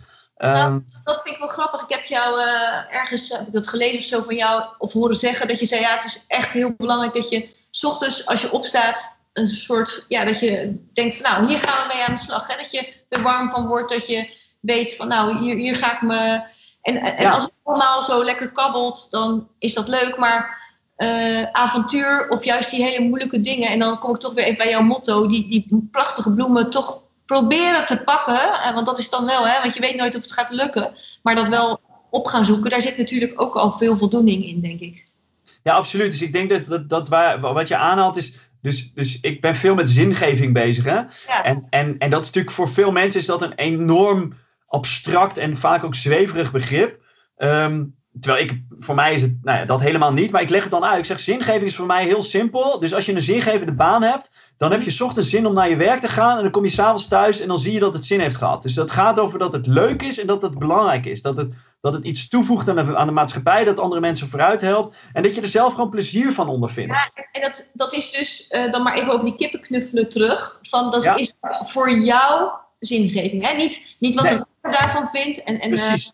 Eh, want Dus ik heb, ik heb gisteren een webinar gegeven voor ehm, eh, een, een, een, een bijeenraapsel van mensen die bij zorginstellingen werken. Dan heb ik het ook over zingeving gehad. En weet je, helemaal in deze tijden, dus, dus als in coronatijden worden de bullshit jobs, vooral bij lockdowns, wel even heel hard onderscheiden van de banen die echt zin hebben. ja, Ehm, en en, en dan, dan zijn er heel veel mensen die zeggen, ja, werkte ik maar in de zorg, weet je, want dan kon ik nu wat betekenen. Maar het kan heel goed zijn dat je in de zorg werkt en dat je geen zingeving ervaart. Dus ik heb ook, in, in mijn coaching heb ik ook een, een specialist gehad. Ehm, eh, en dit, dit was een, eh, een dame die van jongs af aan arts wilde worden. Mhm. Ehm, maar op een gegeven moment erachter komt, ik wilde arts worden omdat ik mensen wilde helpen. Maar in het werk dat ik nu doe, heb ik het gevoel dat ik productie draai. Ja. Dus ik, weet je, ik ben omzet aan het draaien en ik ben mensen door. Ik heb, ik heb bijna dat menselijk contact niet en ik heb totaal niet. Dus het- Hm. heel veel mensen zullen mijn werk zingevend vinden, maar ik heb dat gevoel niet. Dus zij heeft, ehm, nadat ze bijna 20 jaar is opgeleid om dat te kunnen doen, is daarmee gekapt. Gewoon, weet je, en dat is natuurlijk, dat, dat is pas een ravijn, weet je wel. Dan moet je dus Ja. gewoon iets waar je van jongs af aan voor gedroomd hebt, Ja. waar je onwijs lang voor geleerd hebt, moet je van Ehm, nou, je moet niks, maar zij constateerde voor zichzelf: als ik, eer- als ik echt eerlijk ben naar mezelf, dan, is het, dan, is het, dan stopt het dus nu. ja. Ja, dat is, weet je, dat is echt ballen hebben en, en, en, en, ja. en lef hebben en, en durven bang te zijn. Want je stapt dan ook volledig in het niets van wat, wat ga ik nu dan doen. ja. ja, dat is Ehm, dus, dus ja, weet je, steeds weer er langs. Steeds weer langs dat ravijn. En dan nog even eh, nog een laatste vraag over dit boek. Van, ehm, jij hebt het echt wel geschreven ook vanuit je eigen situatie van de quarter life. eh, Nou ja, een soort crisis die een hoop mensen in die leeftijdsklasse hebben. Ehm, maar ehm, dit is toch een, wat mij betreft ook een boek wat voor iedereen handig is. Ja, Eh, en, en, en waar dan ook nog even een, een ding zit van dit gaat van 7 voor, als, naar 10. Hè? Dat, dat is heel toepasselijk omdat je die, die eh, generatie aanspreekt. Die, nou ja, niet allemaal natuurlijk op een 7 zitten, was het maar zo. Maar, eh, maar stel je bent 55 en je zit op een 3 en je hebt geen werk en je relatie is kapot. Dan heeft dit toch ook zin? Van, ja dus alle handvatten, alle tools die in het boek staan, die hebben onwijs veel zin. ja, En dus het enige is dat je in het begin van het boekje je wat minder aangesproken zult voelen. Omdat er, nou ja, vanuit de problematiek die ik beschrijf, zitten er echt al wat generatie- en levensfase dingen in. Eh, dus wat ik, wat ik in het begin van het boek probeer te doen, is eigenlijk ook ehm, hè, de, de, de gemiddelde millennial of quarterlifer permissie te geven om zich zo te voelen. En, en te laten snappen waar het vandaan komt. Dat het normaal is, dat het oké is om dit te voelen. Dus iemand van 55 zal dat net wat minder hebben. Behalve als hij het herkent van, oh ja, toen ik 20, eh, 30 was, had ik dit ook. Weet je wel zo. Maar ik moet zeggen dat ehm, als ik het boek opnieuw zou schrijven, dan zou ik de, ehm, denk ik, het, het, het, het leeftijdstuk eruit halen. Juist omdat het dus voor, voor alle leeftijden en voor alle generaties eh, zinvolle handvatten zijn. En, Ja. en ik heb dat toen niet aangedurfd, dus daar ben ik ook wel op gechallenged door mijn uitgever. Ik zei, het voelt voor mij als, als iemand eh, van begin 30 voelt het niet goed om, ehm, om advies te gaan geven van iemand van 50 die al 20 jaar bij dezelfde werkgever werkt. eh, en die drie kinderen heeft thuis zitten, omdat ik gewoon echt niet weet hoe, hoe, de, hoe die situatie is. Dus ik wil me graag. Ik voel me er meer senang bij als ik me beperk tot de doelgroep die ik ken. En het heb over de worstelingen die ik heb gehad en wat mij heeft geholpen.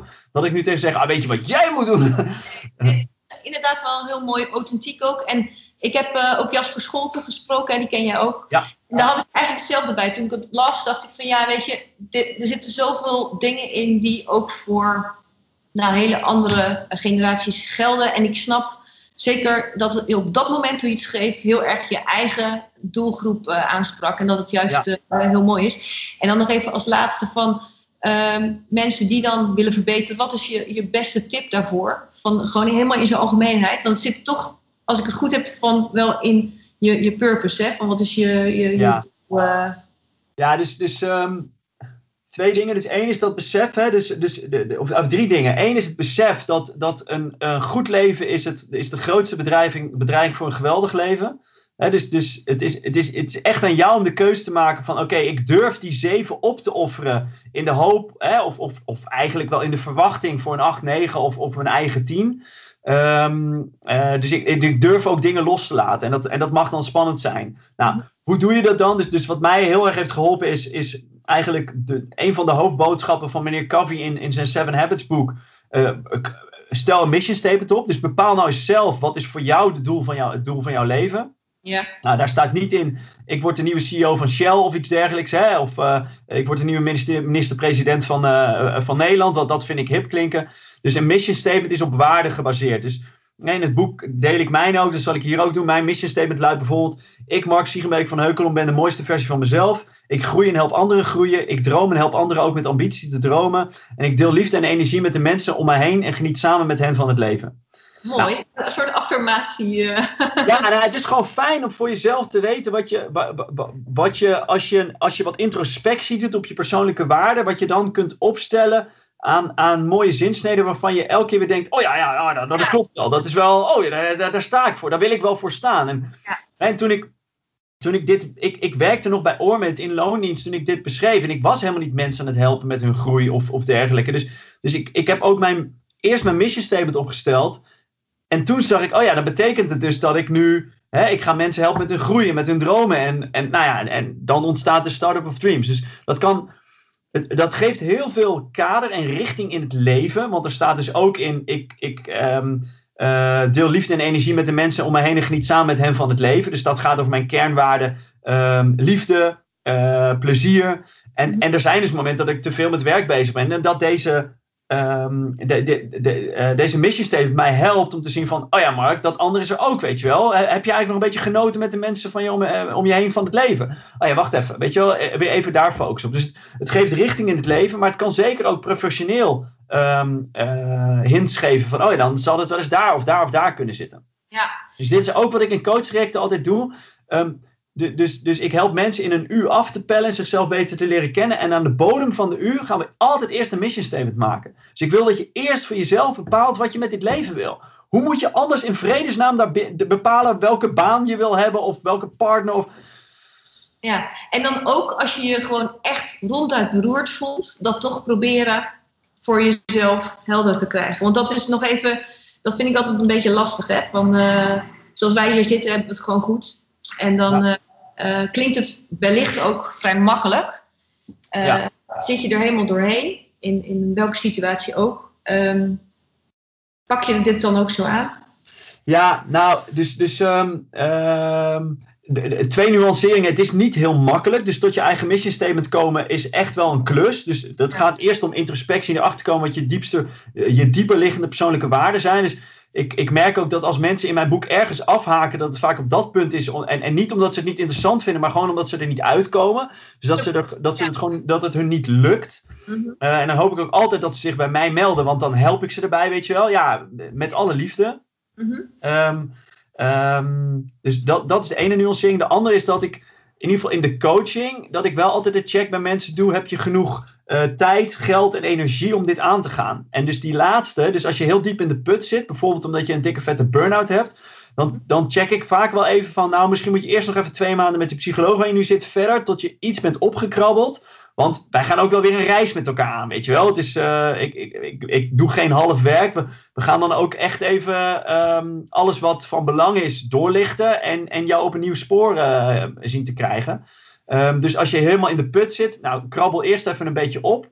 Ehm, Ja. Maar dit kan zeker een belangrijke tool daarbij zijn, ja. En dat, en dat leidt dan even om jouw vraag van net af te maken tot Ja. punt 3. En Ja. dat is, ehm, eh, hè, dus de, als je dan kijkt naar, en, en, en dat doe ik, hè, als, als ik even zo dat coachdirect ook beschrijf. We gaan eerst afpellen, jezelf beter leren kennen, gedrag gaan pakken en dergelijke. Dan aan de, eh, onderin de U eh, die mission statement. En dan ga ik opwerken, naar, ja, wat wil je nou met je leven doen?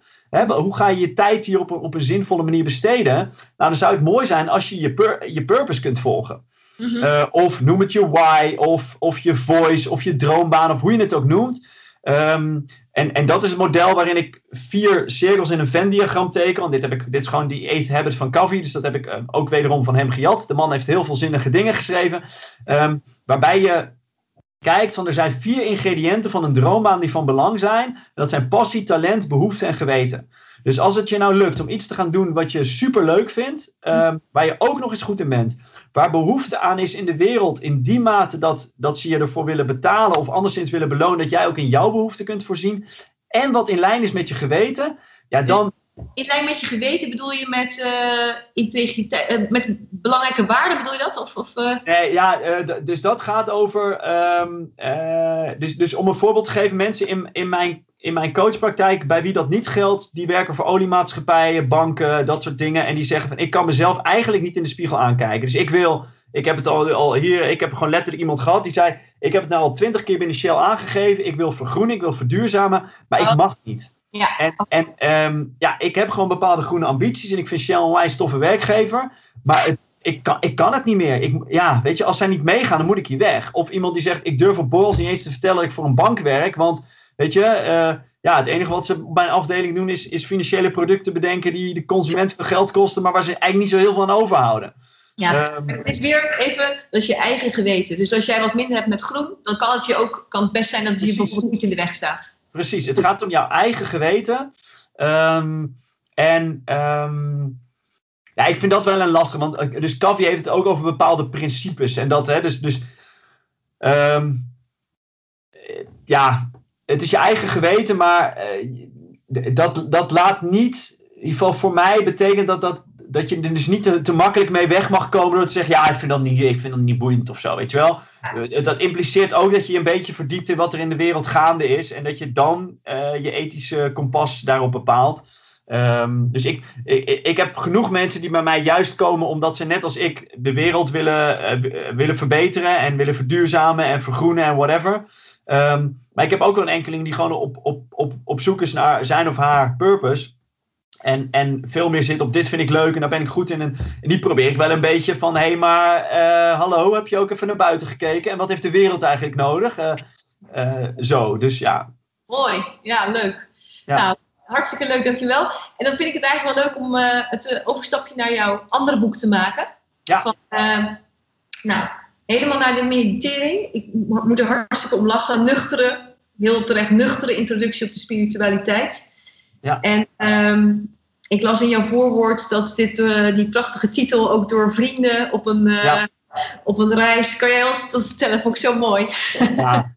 Nee, dus, dus hè, ehm, ik, ik, ik, ik nam je net al mee in, in hoe belangrijk het dan voor me is dat, eh, wat mensen van me vinden, et cetera. En, en, en dat in een krachtenveld met dat ik toch ook wel echt heel graag mijn eigen weg wil gaan. Dat ik aan het eind van mijn leven geen spijt wil hebben dat ik niet ehm, ja, iets meer naar mezelf heb geluisterd.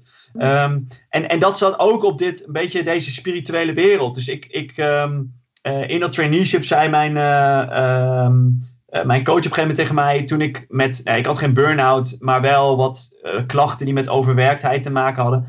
En zij zei, Mark, zou, zou, je bent zo druk in je hoofd altijd, zou mindfulness cursus niks voor je zijn? Nou, ik had er wel eens van gehoord en ik vond het wel interessant. Maar ik vond het ook extreem zweverig en onbekend en nou, noem maar op. Maar het feit dat zij het zei, omdat zij een super nuchtere eh, vrouw was van wie ik dat aan kon nemen, dacht ik, nou ja, fuck it. Ik ben ook wel benieuwd. Dan ga ik dat wel gewoon een keer doen. En ehm, nou, ik vond daar, eh, en ik trof daar gelukkig een mindfulness eh, lerares die ehm, eh, zelf ook een beta-achtergrond had, in het bedrijfsleven had gewerkt met burn-out eruit was geknald en mindfulness eh, eh, docent was geworden. Dus zij kon ook gewoon lekker op wetenschappelijke manier me uitleggen waarom het misschien toch wel een goed idee was om even je ogen te sluiten en op je adem te letten en noem maar op.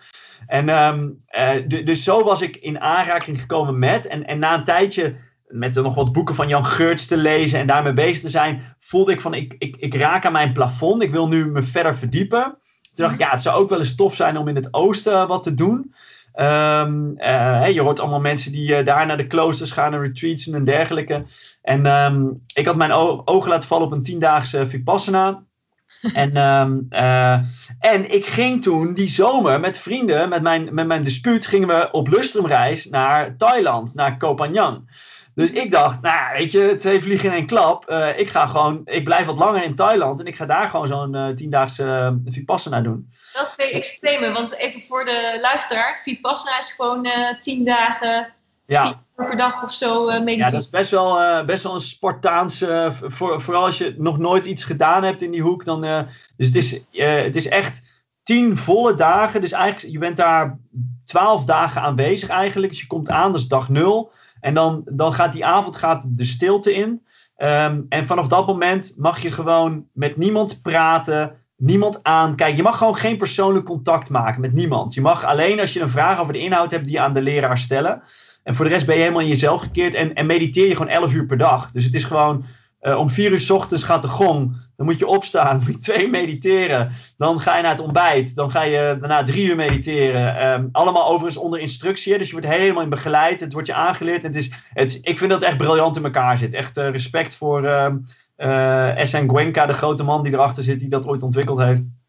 En die het ook weer van zijn leraren geleerd heeft en noem maar op. Maar, maar de organisatie die hij heeft neergezet is uh, wel briljant. En, en nou, tot in de avonturen waar je een lecture krijgt nog uh, van, van, volgens mij is het half acht tot half negen of zo.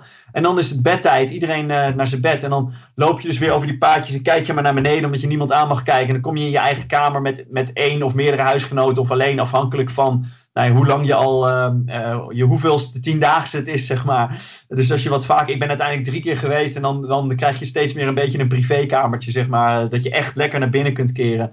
Ja. Um, en dan, uh, en dan de volgende dag op repeat. En, um, dus dat is best wel. Uh, oh ja, en ook je, je eet niet meer na 12 uur middags. Dus het is ochtends ontbijt en dan om 12 uur lunch. En dan is het gewoon vasten eigenlijk. Dus er zitten allerlei dingen in die het gewoon wel, um, wel uitdagend maken. Um, en gelukkig wist ik daar nog niet te veel van, want anders was ik denk ik aan begonnen.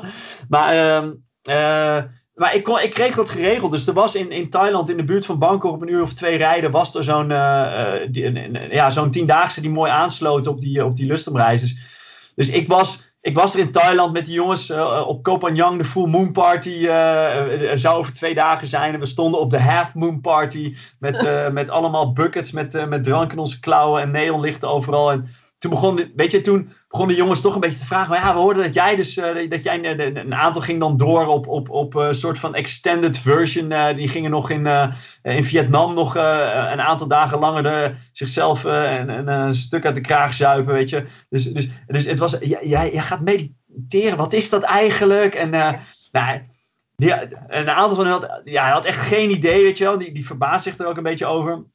Maar toch ook wel geïnteresseerd. De een wat meer dan de ander. En op een gegeven moment uh, riep een van die gasten toen, uh, toen het klaar was. Die zei van, yo, uh, jongens, nou morgen is het klaar allemaal. Hè? En dan gaan wij met z'n allen gaan we nog lekker even door naar Vietnam. Nog wat langer naar de tering. En Mark die gaat lekker naar de meditering. Nou ja, dus toen was een nieuw begrip geboren. Naar de meditering gaan. En um, toen, toen, toen later dacht ik op een gegeven moment. Ja, weet je, als ik, als ik dus iets over mijn uh, spirituele reis, om het zo te noemen, op wil schrijven, dan gaat dat wel onder die titel zijn. Want, want dus, dus kijk, ik heb een heel nieuwsgierig, leergierig, uh, open-minded persoon in mij zitten. Maar ik heb ook altijd die ingenieur in me zitten, die gewoon wil weten hoe het zit, die kritisch is. Die, um, hè, dus, dus dat moest ook. Dat moest een samenmenging zijn van open-mindedness en, en, en um, ja, een kritische houding. Een, een, de, de nuchterheid, zeg maar.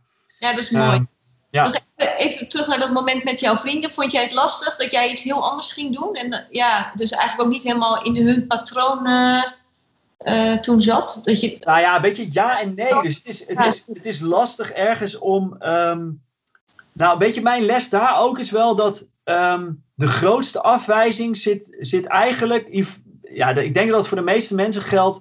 Maar die zit, zit primair ook in je eigen hoofd. Dus gewoon de angst om afgewezen te worden, heb je meer last van dan... Nou, dan naar buiten treden met dit is nu mijn pad en dit wil ik gaan doen. Ja. Um, en mits dat niet is, uh, ik uh, ga nu genocide plegen of iets dergelijks. Hè, want dan, dan hoop ik dat je veel afkeuring krijgt. Maar um, hè, dus, dus als dat binnen ethische kaders is, maar het is misschien onbekend voor mensen. Um, mijn ervaring is dat, dat ik daar helemaal niet zo. Weet je, er is echt wel over mij gesproken. Ik heb later ook gehoord dat dat mensen ook tegen elkaar wel hebben gezegd van ja, toen jij daar bezig was, echt van nou, Sigmeek is echt helemaal van het padje, die is echt helemaal kwijt, weet je wel. Maar heel eerlijk, naar mij toe, ik kreeg er niet zoveel van mee. En voor mij was het, Dus het was wel spannend, maar ik vond ook wel, weet je, er waren ook dan wel twee of drie van die gasten, want we waren met z'n vijftienen, die het super interessant vonden en die er meer over wilden weten. Zeiden, oh, dat wil ik ook wel eens een keer gaan doen en wat cool dat je mee bezig bent. Ehm, een beetje richting um, die tiendaagse uh, begon ik mijn alcoholinname terug te schroeven. Omdat ik zoiets had van ja, ik hoef niet elke avond mezelf helemaal het leplazig te zuipen. En, um, dus op een gegeven moment begon dat ook een beetje scheef te lopen in um, uitgaven. Weet je, we hadden met z'n allen één grote pot. Maar ik dronk twee kopjes thee op een avond, groene thee. En die gasten die uh, hengsten er 15 bier doorheen. Toen kwamen die jongens die over de financiën gingen, die kwamen zelf met: hey, um, we hebben voor jou een, een groene T-factor uh, erin gezet. Dus uh, jij hoeft maar zoveel te betalen. Dat voelde voor mij zo permissief. Zo van, weet je, Siegenbeek, uh, je, je, doet maar lekker wat je wil doen, maar je hoort er nog steeds bij bij ons. Ja, dat is mooi. Het is ja. ook je vrijheid die je hebt gepakt. Dus het is aan de ene kant pakken, aan de andere kant dus ook wel wat, wat daarvoor terugkrijgen van je. Als het goede vrienden zijn, dan, dan, dan, dan, zullen ze dat ook wel van je accepteren. En ze waren allemaal op de boekpresentatie, weet je wel. Ze vinden het ergens ook wel weer dus een van de jongens zei bij mijn eerste boek ook, zei hij van, uh, uh, dat is een lekkere, een lekkere blaadaap is dat. Die zei ook van, oh, Siegenbeek. Die ging even een speech doen na, na mijn uh, boekpresentatie op de, op de borrel erachteraf. Die zei, ik snap helemaal niks van de inhoud. Is dit het nou? Ik herken er niks van, ik kan het niet plaatsen. Maar ik vind het fucking mooi dat je een boek hebt geschreven. Weet je wel, zo. Ja, weet je, en dan is het oké. Okay, en dan is het mooi. Ja. Um, Hey, en uh, jij zegt heel terecht, hè, je hebt ook in het begin met, uh, toen je mindfulness en zo ging doen, nou, heb je de juiste persoon getroffen, hè, die, wat jou een beetje aansprak. En je hebt eigenlijk met je boek uh, het ook toegankelijker willen maken gewoon voor andere mensen. Waar ik nog even aan moest denken was Timothy Ferris, die heeft ook zo Tools of the Titans geschreven. Ja. Zie je ook dat bij al die, uh, dat gaat allemaal over uh, ja, mensen die uh, ja, gewoon bekend zijn geworden of het, ja, het goed voor elkaar hebben, hè? dus high potentials. Wat, heeft hij onderzocht wat hun gewoontes zo al zijn. En dan komt dan ook, wat ik opvallend vond, mediteren naar voren. Toen ik dat zag, toen vond ik ook mediteren, keek ik er heel anders naar. naar. Dan ja. dacht ik, helemaal niet zo zweverig. Dat is dus eigenlijk kennelijk ook al iets, als je het niet kent bedoel ik, hè? Van, ja. dus, dus kennelijk gewoon iets waardevols, wat dus ook mensen heel bewust inzetten. En ja. uh, wat ik me nog even, uh, ik, ik, vind het heel grappig dat je dan zegt van nou, ik doe het eens even op een hele andere manier, hè, minder zweverig.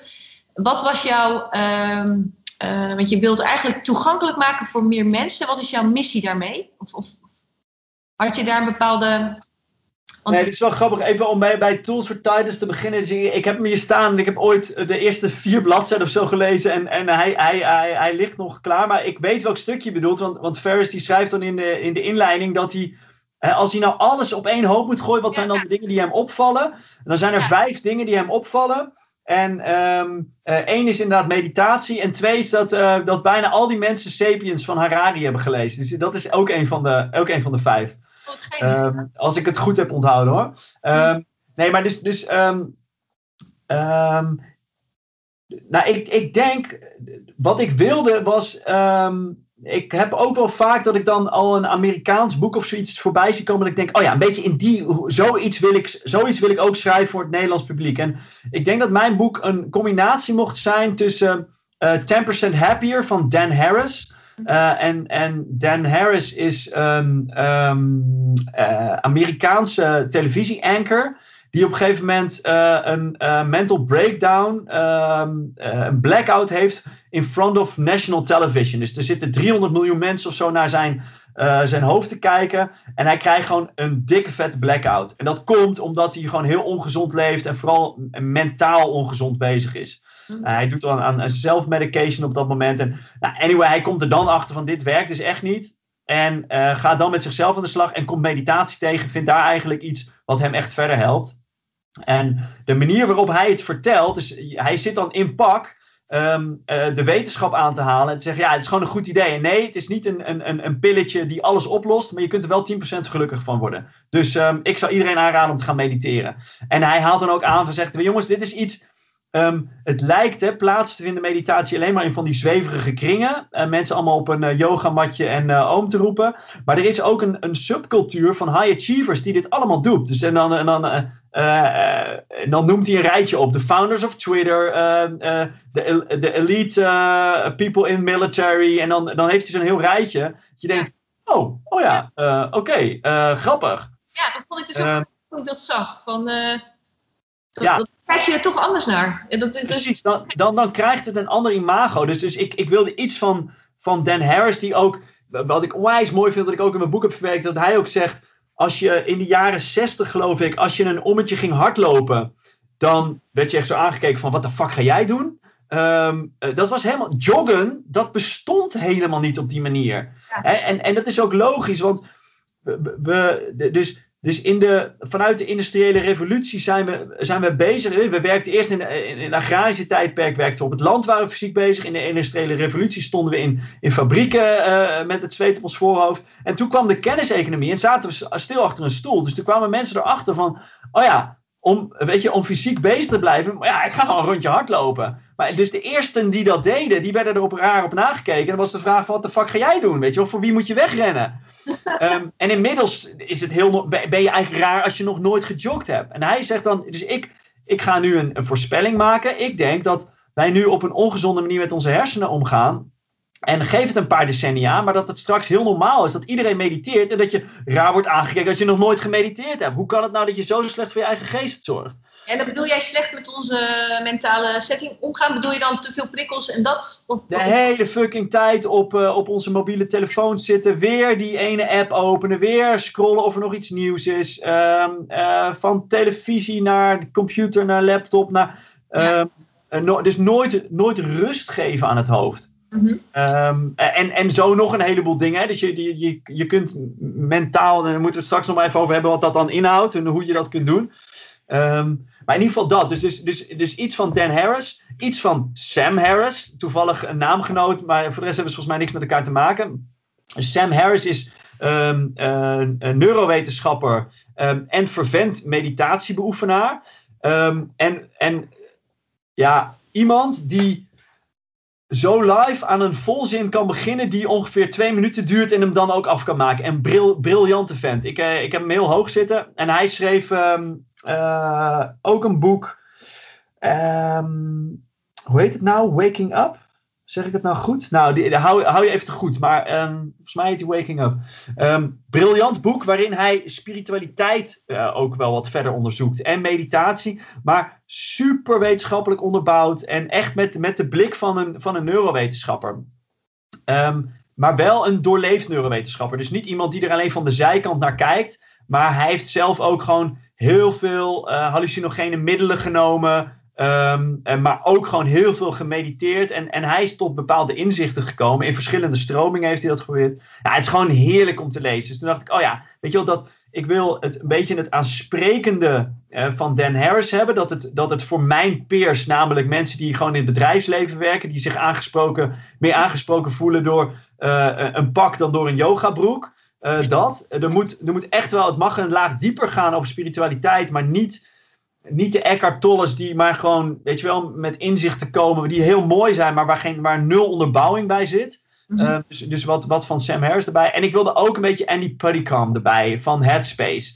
Dus, dus, dus wat hij daar gedaan heeft, gewoon onwijs goede marketing om, om meditatie heen gezet. Dus als je Doe jij van eh, de, de Headspace app? Van en van de. Headspace app, eh, precies. Eh, even voor de luisteraar, die heeft een app gemaakt om begeleide meditatie. Zeg ik goed, hè? Van, Ja, exact. Exact. En wat hij heel mooi doet, is dus hij heeft, ehm, eh, hij heeft daar gewoon ook prachtige nieuwerwetse eh, animaties en zo bij gemaakt. Om, om bepaalde eigenlijk boeddhistische concepten uit te leggen. Maar hij heeft alles wat maar, naar, maar riekt naar het boeddhisme of naar andere religieuze stromingen of dogma's, heeft hij eruit gesloopt.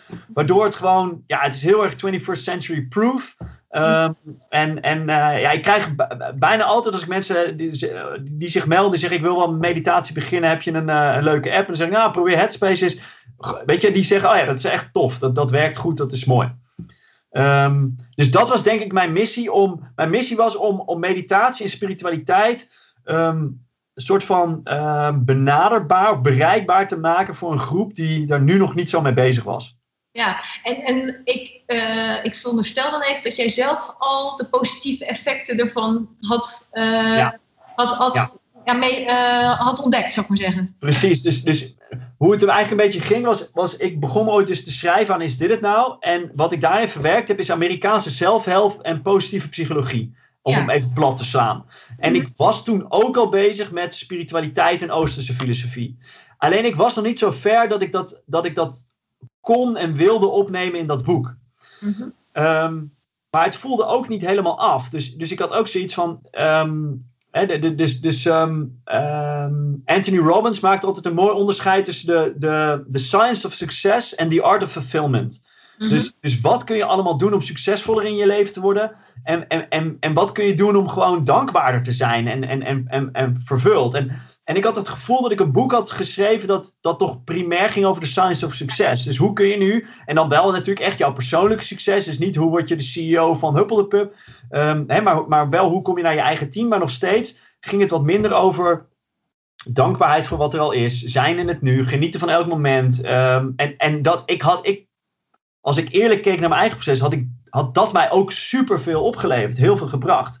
Dus dat voelde ook wel van, als ik nou, om, om, als ik eerlijk wil zijn naar mijn lezers, dan moet ik daar ook wat over opschrijven. Leuk, ja. Ehm, om, omdat dat een ander pad is, maar dat kan het heel mooi aanvullen. En ik heb het toen nog niet beschreven, dus laten we daar een apart boek aan wijden. En dat inderdaad, dat impliceert dat ik dus ook allerlei stappen had gezet die mij van alles hadden gebracht.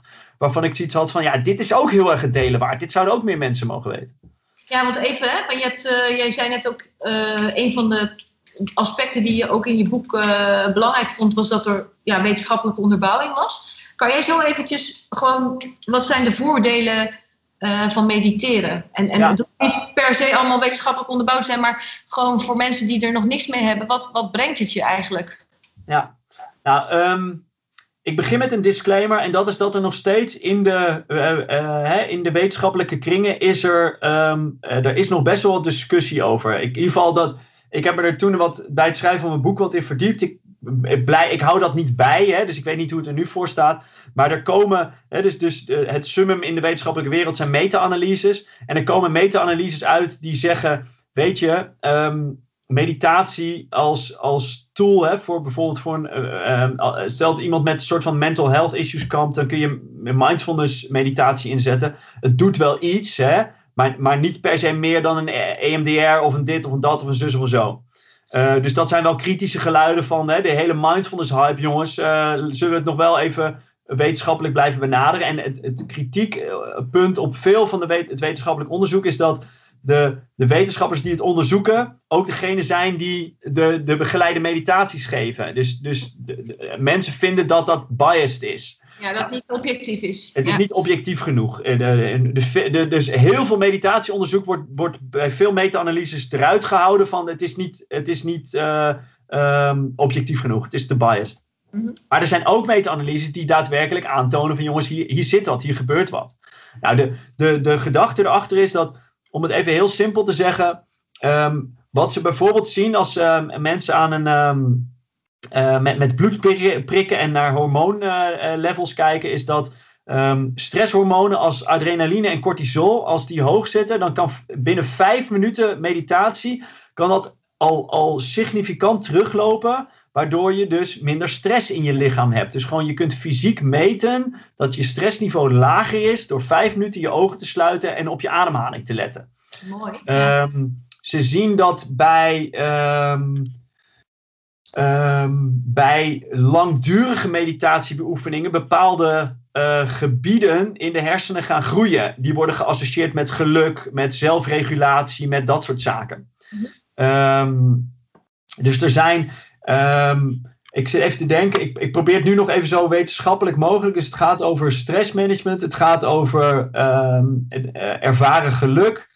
Ehm, Wat vond jij zelf, eh, even uit jouw er- eigen ervaring, hè, van, eh, wat, wat vind je zelf heel sterk eraan? Wat, wat heeft jou bijvoorbeeld geholpen met meditatie? Precies, laat ik, dus dan laat ik even het wetenschappelijke los, want dan heb ik meestal minder paraat. Dus, dus, dus iets minder wetenschappelijk, maar wel gewoon even ehm, mijn eigen ervaring en een beetje, een beetje gezond verstand. Dus ehm, nou, om misschien om te beginnen met, dus als, als je stressniveaus eh, teruglopen, dus het is ook belangrijk om stress te snappen. Dus wat er gebeurt is, als, jou, als jij gestrest raakt, wat je lichaam doet is iets briljants. Dus stress heeft een hele negatieve eh, connotatie. Maar het is echt een superpower. Dus het stelt je in staat om, even eh, een paar honderdduizend jaar terug, een, een sabeltandtijger tegen te komen. En ineens harder weg te kunnen rennen. ehm, ehm, beter te kunnen vechten of, of, of beter te kunnen bevriezen dan je ooit hebt gedaan. En hoe komt dat? Omdat stress die schakelt bepaalde systemen in je lichaam uit, zodat je, dat de energie naar andere systemen gaat. Dus bijvoorbeeld, als wij boos worden, dan gaat er heel veel zuurstof gaat naar de bovenarmen. Dan kun je beter vechten dan ooit. Oh. Ehm, als wij bang zijn, dan gaat er heel veel zuurstof en bloed gaat naar de, naar de, ehm, eh, de bovenbenen, zodat je harder kan wegrennen dan ooit. Dus dit zijn bril. Ja, het, is, het, is, het, het lichaam zit fascinerend in elkaar. Ehm, dus in, bij een stressrespons worden dus, wat ik zei, worden ook bepaalde systemen teruggeschroefd in energie die ze krijgen. Nou, welke zijn dat? Dat is bijvoorbeeld de spijsvertering. Dus als je oog in oog staat met een sabeltandtijger, is het niet zo belangrijk dat je dat eten verteert. Dat is om op lange termijn te blijven leven, is je eten verteren heel erg belangrijk. Op korte termijn niet. Dus het, het lichaam zegt dan dat nu even niet, wegrennen met die hap. Maar Ja. ook libido. Dus je, hè, hey, sabeltandtijger, ja, maar ik zie ook een, eh, weet je wel, een lekkere partner. Ik ga me even voortplanten. Nee, op lange termijn is voortplanting super belangrijk. Op korte termijn, bam, libido weg. Ehm, weerstand. Virus, hè, dus om te blijven leven moet je virusje, virus be- bevechten, de, de, je, je eigen tent uitschoppen. Op lange termijn super belangrijk. Op korte termijn, je moet wegkomen bij die sabeltandtijger. Dus, dus mensen, eh, dus dat werkte perfect. En wat deed iemand dan? Dan rende je weg en dan kwam die holbewoner, die kwam in zijn grot terecht. Ehm, en dan had hij, ja, had hij gereed te doen. Dus dan ging hij maar op zijn ademhaling letten, weet ik veel wat zo iemand ging doen. Anyway, die, die ging niet op zijn smartphone kijken en zag dat hij een mailtje binnenkreeg en nog weer stress, stress, stress. Dus de stressniveaus namen normaal af. En, en dan werkt het gewoon piek, dal, normaal piek, dal. En dat is hartstikke gezond. Dus dan is stress echt een superpower die je dient. Maar dan verandert de context. Dan hebben we mobiele telefoons, waardoor we 24-7 aanstaan. Waar allerlei stressoren op zitten. Mailtjes van bazen dat we nog dingen moeten doen. Ehm, reminders in onze to-do-list dat we nou met iets nog klaar zijn, nog moeten inleveren. Belletjes van vrienden die iets van ons willen. Nou, noem maar op. Mhm. Dus wat er gebeurt er? Eh, De sabeltijger van, van toen is de, de baas van nu die iets van je wil. Bam! eh hormoon, eh, cortisol en adrenaline schieten omhoog. En dan, net als het gaat dalen, dan kijk, zie je iets op je smartphone waar je nog wat mee moet. Dan de laptop. Dus we krijgen een, een, een, een, een, ehm, chronisch verhoogd s- eh, stresshormoonlevel in ons bloed. En op een gegeven moment is dat net als te veel alcohol, is het gewoon vergif voor jezelf. Want want al die systemen die je uit hebt gezet, weet je, ja, je hebt ze wel nodig op de lange termijn. Dus spijsvertering, libido, weerstand wordt allemaal minder als de stress hoger is. Nou, je gaat ook weer slechter slapen, wat ook niet goed voor je is, et cetera. Dus dat is wat er gebeurt als je gestrest bent. Dus als je nou iets vindt wat, wat, wat dit kan doen afnemen, ja, dan, dan, dan een heleboel fysieke kwaaltjes vallen weg. Ehm, hè, dus dus, dus eh, er zijn heel veel mensen met prikkelbare darmsyndroom, eh, die maar niet, weet je wel, die denken dat ze, eh, ik ben er ook zo in geweest, ik heb alle bloedtesten bij de huisarts laten doen, wat is er, met, wat is er mis met? Het was niks, ik was gewoon gestrest, kan ik nu zien van toen. Ja. Hè? En, en, ehm, eh, en ik dacht, ik heb last van mijn darmen, want, nou ja, ik weet niet wat. Dus, dus er zit een, een hele fysieke component zit er aan stress vast, die, die verbetert, die beter wordt, ehm, als je beter ook voor je mentale gezondheid gaat zorgen.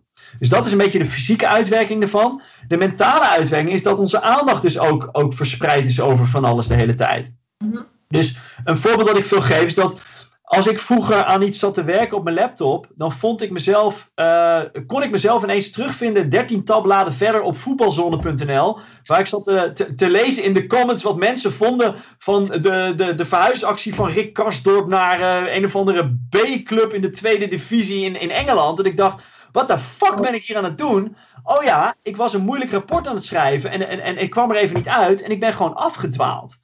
Ja. Nou, ehm, wat je bij meditatie doet, is dus je, je, wat je daar eigenlijk oefent, is je aandacht richten op één ding en die daarbij houden. Bijvoorbeeld je ademhaling. Ehm, de- dus als je dat doet, dan, ehm, dan volg je ademhaling. En dus eigenlijk het enige wat je doet is observeren. Dus het is geen ademhalingsoefening. Je bent niet bezig met ik moet anders ademen. Maar je volgt gewoon hoe die in en uit gaat. Mhm. Ehm, en dat heeft dus het fysieke aspect dat er geen nieuwe prikkels binnenkomen. En dat je gewoon even je bent met wat er is. Om een beetje in de zweverige spirituele termen te, te praten. Ehm, ehm, maar dat doet dus die, die, die, die stresslevels afnemen. Omdat er geen nieuwe eh, stressoren, geen nieuwe prikkels binnenkomen. Ehm, maar onherroepelijk, want zo zit de menselijke geest in elkaar. Dwaalt je aandacht ergens af. Dus je, je adem in, adem uit, adem in, adem uit. Oh ja, ik moet trouwens nog boodschappen doen zo meteen. Oh ja, wat moest ik ook weer allemaal hebben? Nou, weet je, dat is wat de menselijke geest doet. Niks aan de hand, dat gebeurt. Het enige wat je bij meditatie dan probeert te doen, is dat op een gegeven moment merk je dat op. Dan je, oh, ik ben over de boodschap aan het nadenken. Oh dat was niet de bedoeling. Ehm, wat was ik aan het doen? Op mijn ademhaling aan het letten. En dan ga je terug naar je ademhaling. En als het even kan, zonder oordeel. Dus niet, oh sukkel, waarom doe je dat? Ik moest op mijn ademhaling letten. Nee, gewoon je, zo oordeelloos mogelijk. Dit hoort erbij, dit gebeurt. Maar je gaat terug naar je ademhaling en je, en je gaat die weer volgen. En dan na een tijdje, of dat na één seconde is of na één minuut of whatever, ergens daartussenin of misschien nog langer, dan dwaalt je aandacht weer af. En dan, dus wat je traint is ook uh, je aandacht, hè, je focus bij één ding houden. En daar wat langer bij houden en wat sneller terugbrengen als je, als je afdwaalt. Dus wat ik op een gegeven moment in mijn leven, en naast het dat ik iets beter werd in mijn aandacht bij die meditatie houden, zag ik ook dat ik van 13 tabbladen naar 12, naar 11, naar 10, et cetera, ging. Dat ik op een gegeven moment bij drie door had. Oh, ik ben afgedwaald. Tot en met het punt dat ik, weet je, dat ik op een gegeven moment merkte van... Hé, hey, mijn muis gaat naar een nieuw tabblad. Wat ga ik nou doen? Oh, wacht even. Oh, ik, ben, ik ben afgeleid. Weet je, ik, ik laat mezelf nu afleiden. Oké, wil ik dat? En, en dus, ja. dus mindfulness gaat ook over bewustzijn. Het is niet dat je nooit meer afleiding mag zoeken. Maar het gaat om dat je een bewuste keuze maakt. Dus op zo'n moment kun je zeggen... Ja, ik ben ook eigenlijk al, ik zit al anderhalf uur aan het rapport te werken. Dat is al veel te lang. Nou, ik ga even wat leuks doen tussendoor. Maar dan kun je ook de bewuste keuze maken. Is dat nu op voetbalzone kijken? Weet je, ja. of nog steeds achter een laptop? Of ga ik even buiten lopen? Of, ja. uh, dus, dus hoe ga ik mezelf dan afleiden? In plaats van dat je erin vervalt en in mee wordt genomen en een soort van slachtoffer bent van, van, je, van, van de eigen stroom in, jou, in jouw geest. Um, dus, ja. dus, dus op het gebied van focus, um, uh, groeien. En, en, en, en, en voor mij werkt het bijvoorbeeld ook. Um, hey, ik, ik, vertelde jou net dat ik, uh, dat ik een half uurtje later mij meldde. Omdat ik gewoon doodop was. Omdat ik een slechte nacht had gehad. Omdat uh, mijn zoontje van vier maanden me, me wakker hield vannacht. Dus ja. Ik heb veel momenten nu dat ik weer opnieuw mag proberen om in slaap te vallen. Uh, en helemaal als je een babyfoon naast je hebt staan en weet dat hij elk moment in principe weer van zich kan laten horen, dan ja. is dat best wel uh, lastig soms. Mm -hmm. uh, en ik merk dan dat ik echt baat heb bij, um, en ik moet ook, de, ook heel eerlijk zeggen, ik kom amper aan meditatie toe uh, op dit moment. Want als ik nu dus met mijn ogen dicht ga zitten, dan donder ik gewoon in slaap. maar, maar mijn eerdere meditatiebeoefening heeft me wel echt geholpen om, om op zo'n moment in mijn bed te liggen. En, en dus, dus mijn primaire gedachtenstroom gaat, gaat alle kanten op. En dan, dan kan ik gewoon tegen hem zeggen: Ja, dat heeft niet zoveel zin in. Ik hoef niet na te denken over hoe ga ik morgen dit, hoe ga ik dat. Ik ga wel op mijn ademhaling letten. Nou, en, dan, en dan gaat mijn, mijn geest gaat er nog een paar keer heen. Die gaat nog een paar keer uh, gedachten bedenken. En, en daarmee wil, wil die ergens heen. Maar dan lukt het me beter dan vroeger althans. Om daar niet in meegesleurd te worden. En iets eerder te zeggen: Oh ja, nee, wacht even. Ik let wel gewoon op mijn ademhaling. Dus ik ben ook een betere slaper geworden door te mediteren, omdat ik iets meer, ik heb iets meer vat op wat er in die hersenpan gebeurt. Ja. En ik denk dat het grote inzicht dat meditatie kan brengen, is dat je hoeft niet elke gedachte te geloven. Mm -hmm. dus, dus, er gebeurt hier zoveel. Je, dit, dit, is ook de taak van je, van je hersenen om aan scenario planning te doen. Dat ja, is, dus gewoon de kant eigenlijk voorbij laten gaan. Van, ja, dus, dus, ja. dus je, mag, je mag sommige gedachten mag je ook gewoon bekijken en zeggen, ja, nou ja, het is een gedachte. Weet je, en ik hoef er niks mee. Hey, en, en Mark, want dit, uh, dit is gewoon heel mooi. Um, als je dit nu wil doen, hè, dus niet, kijk, dat zal ook moeite kosten, want uh, ja. dat is natuurlijk iets, voor, voor mensen iets nieuws. Ik, ik ben eigenlijk in twee dingen heel erg geïnteresseerd van, is dit iets wat je dagelijks moet doen, wil het, wil het zin hebben? En um, hoe zet je zo'n nieuwe gewoonte op? Is dat ja. iets wat je dan toch uh, ja, klein moet beginnen? En het zal ook, ja, je zal ook met tegenzin uh, in het begin zitten. Want in het begin zal je ook niet meteen effect hebben in elkaar. Nou ja, supergoeie vraag. Dus um, uh, het, het, antwoord op de eerste vraag is ja. Dus dagelijks um, super belangrijk. Dus, dus alhoewel je na vijf minuten meditatie hè, al, al in het, in, in, in het bloed uh, hormoonlevel uh, verandering kunt zien, is om er zelf wat van te ervaren en, en er de vlucht van te kunnen plukken, um, is het wel belangrijk dat je wat, over wat langere periode dagelijks daarmee bezig gaat. Um, dus als je naar een gemiddelde um, uh, uh, een beetje science-based mindfulness cursus kijkt, dan is dat ongeveer acht weken waarvan je verlangd wordt dat je elke dag iets aan yoga of meditatie doet. En, en, en yoga is gewoon meditatie in beweging, want het gaat ook over voortdurend met je aandacht zijn bij, nou ja, in dat geval niet je ademhaling, maar of ook je ademhaling, maar ook de beweging die je maakt op dat moment, de stretch die je inzet. Uh, nou, zo. Um, dus, dus wel belangrijk om dat dagelijks te doen. Maar dan, dan hoeft dat niet. In zo'n mindfulness cursus wordt dan van je verlangd dat je er elke dag drie kwartier aan besteedt. Nou, als je dat doet, dan kun je ervan uitgaan dat je daar effect van gaat uh, sorteren. Um, maar er zijn ook genoeg mensen die zeggen, ah joh, vijf minuten is al hartstikke mooi. Dus als je met Andy Puddykamp van Headspace begint, die zegt, weet je, take 10, tien dagen lang tien minuten. En kijk dan maar eens wat het voor je doet. Jan Geurts roept altijd: begin met vijf minuten, weet je, dat is al genoeg. Elke dag vijf minuten is belangrijker dan. Elke dag een minuut is belangrijker dan één keer in de week een uur, bijvoorbeeld. Um, dus, um, nou, dus ja, dat is belangrijk. En nou, hoe begin je er dan mee? De, de, dus daar kom ik ook wel weer een beetje in de, de self-help. Als ik daar één ding leerde, en dat heb ik geleerd van de, de zoon van Stephen Covey, Stephen M.R. Covey, um, die daarover schrijft van, um, en, en dan borduurt hij wel een beetje voort op het, op het gedachtegoed van zijn vader, maar die zegt ook, het is zo belangrijk dat als je een, dat je, wanneer je een afspraak met jezelf maakt, dat je je eraan houdt. Ja. Dus het, het aller, aller, aller slechtste wat je kunt doen voor je eigen zelfvertrouwen, is afspraken met jezelf maken die je niet nakomt. Mm -hmm. dus, want elke keer dat je dat doet, weet je dus, dus, dus kom je erachter dat je dus eigenlijk niet betrouwbaar bent. En dat elke nieuwe afspraak, dat je, ja, ja, dan zul je je toch wel weer niet aanhouden. Dus een van de slimste dingen die je kunt doen, en dat gaat dan even niet alleen over meditatie, met alles waar je gedragsverandering in wil zetten, is dat je behapbare afspraken met jezelf maakt, die, die liefst smart gemaakt zijn. Dus, dus als we het op meditatie toepassen, dat je bijvoorbeeld zegt, ik ga de komende vier weken, ga ik elke dag vijf minuten mediteren. Um, onder begeleiding van Andy of whatever, of Mark of uh, wie dan ook. En, um, uh, en, en, dus, dus daar zitten een paar dingen in. Ik ga het elke dag doen. Ik ga het vijf minuten doen. Uh, ik ga het op die manier doen. En ik, en ik ga het ook vier weken doen. Dus niet, ik ga vanaf nu de rest van mijn leven, of, of voor onbepaalde tijd. Dus, dus je wil dat je op een bepaald punt komt waar je zegt, nou, ik heb dat gedaan. Um, en nu hoef ik het niet meer van mezelf. Ik heb me aan mijn afspraak gehouden. En nu kan ik eens kijken wat ik, wat ik daar zelf nog mee wil. Um? Dus um, nou, ik heb het voor mezelf ook. Ik, ik heb het een tijd gedaan. Ik heb op een gegeven moment gezegd: de komende vier. Dus toen kwam ik uit zo'n tiendaags Vipassana. Toen heb ik gezegd: um, omdat ik al wat meer met meditatie had gedaan. en al een beetje een daily practice had ik heb toen gezegd, ik ga nu de komende vier maanden, ga ik uh, wat meneer Gwenka, die ons deze techniek heeft geleerd, van ons vraagt om elke ochtend en elke avond een uur te mediteren. Dat ga ik nu vier maanden lang doen. Nou, dat is vooral als je dan ook weer je gewone westerse leven probeert op te pakken. Dat is best wel een investering. Um, dat is mij gelukt, puur en alleen omdat ik me aan die afspraak wilde houden. Maar dus heb je waarschijnlijk ook wel eens met kleinere afspraken ge gewerkt voor jezelf? Want ik vind deze best heftig. Ja, ja maar ik gebruik hem even om, om te schetsen wat er gebeurt. Mm -hmm. dus, dus onherroepelijk kwam er het moment bij mij dat ik s'avonds op mijn uh, stoel ging zitten om te mediteren.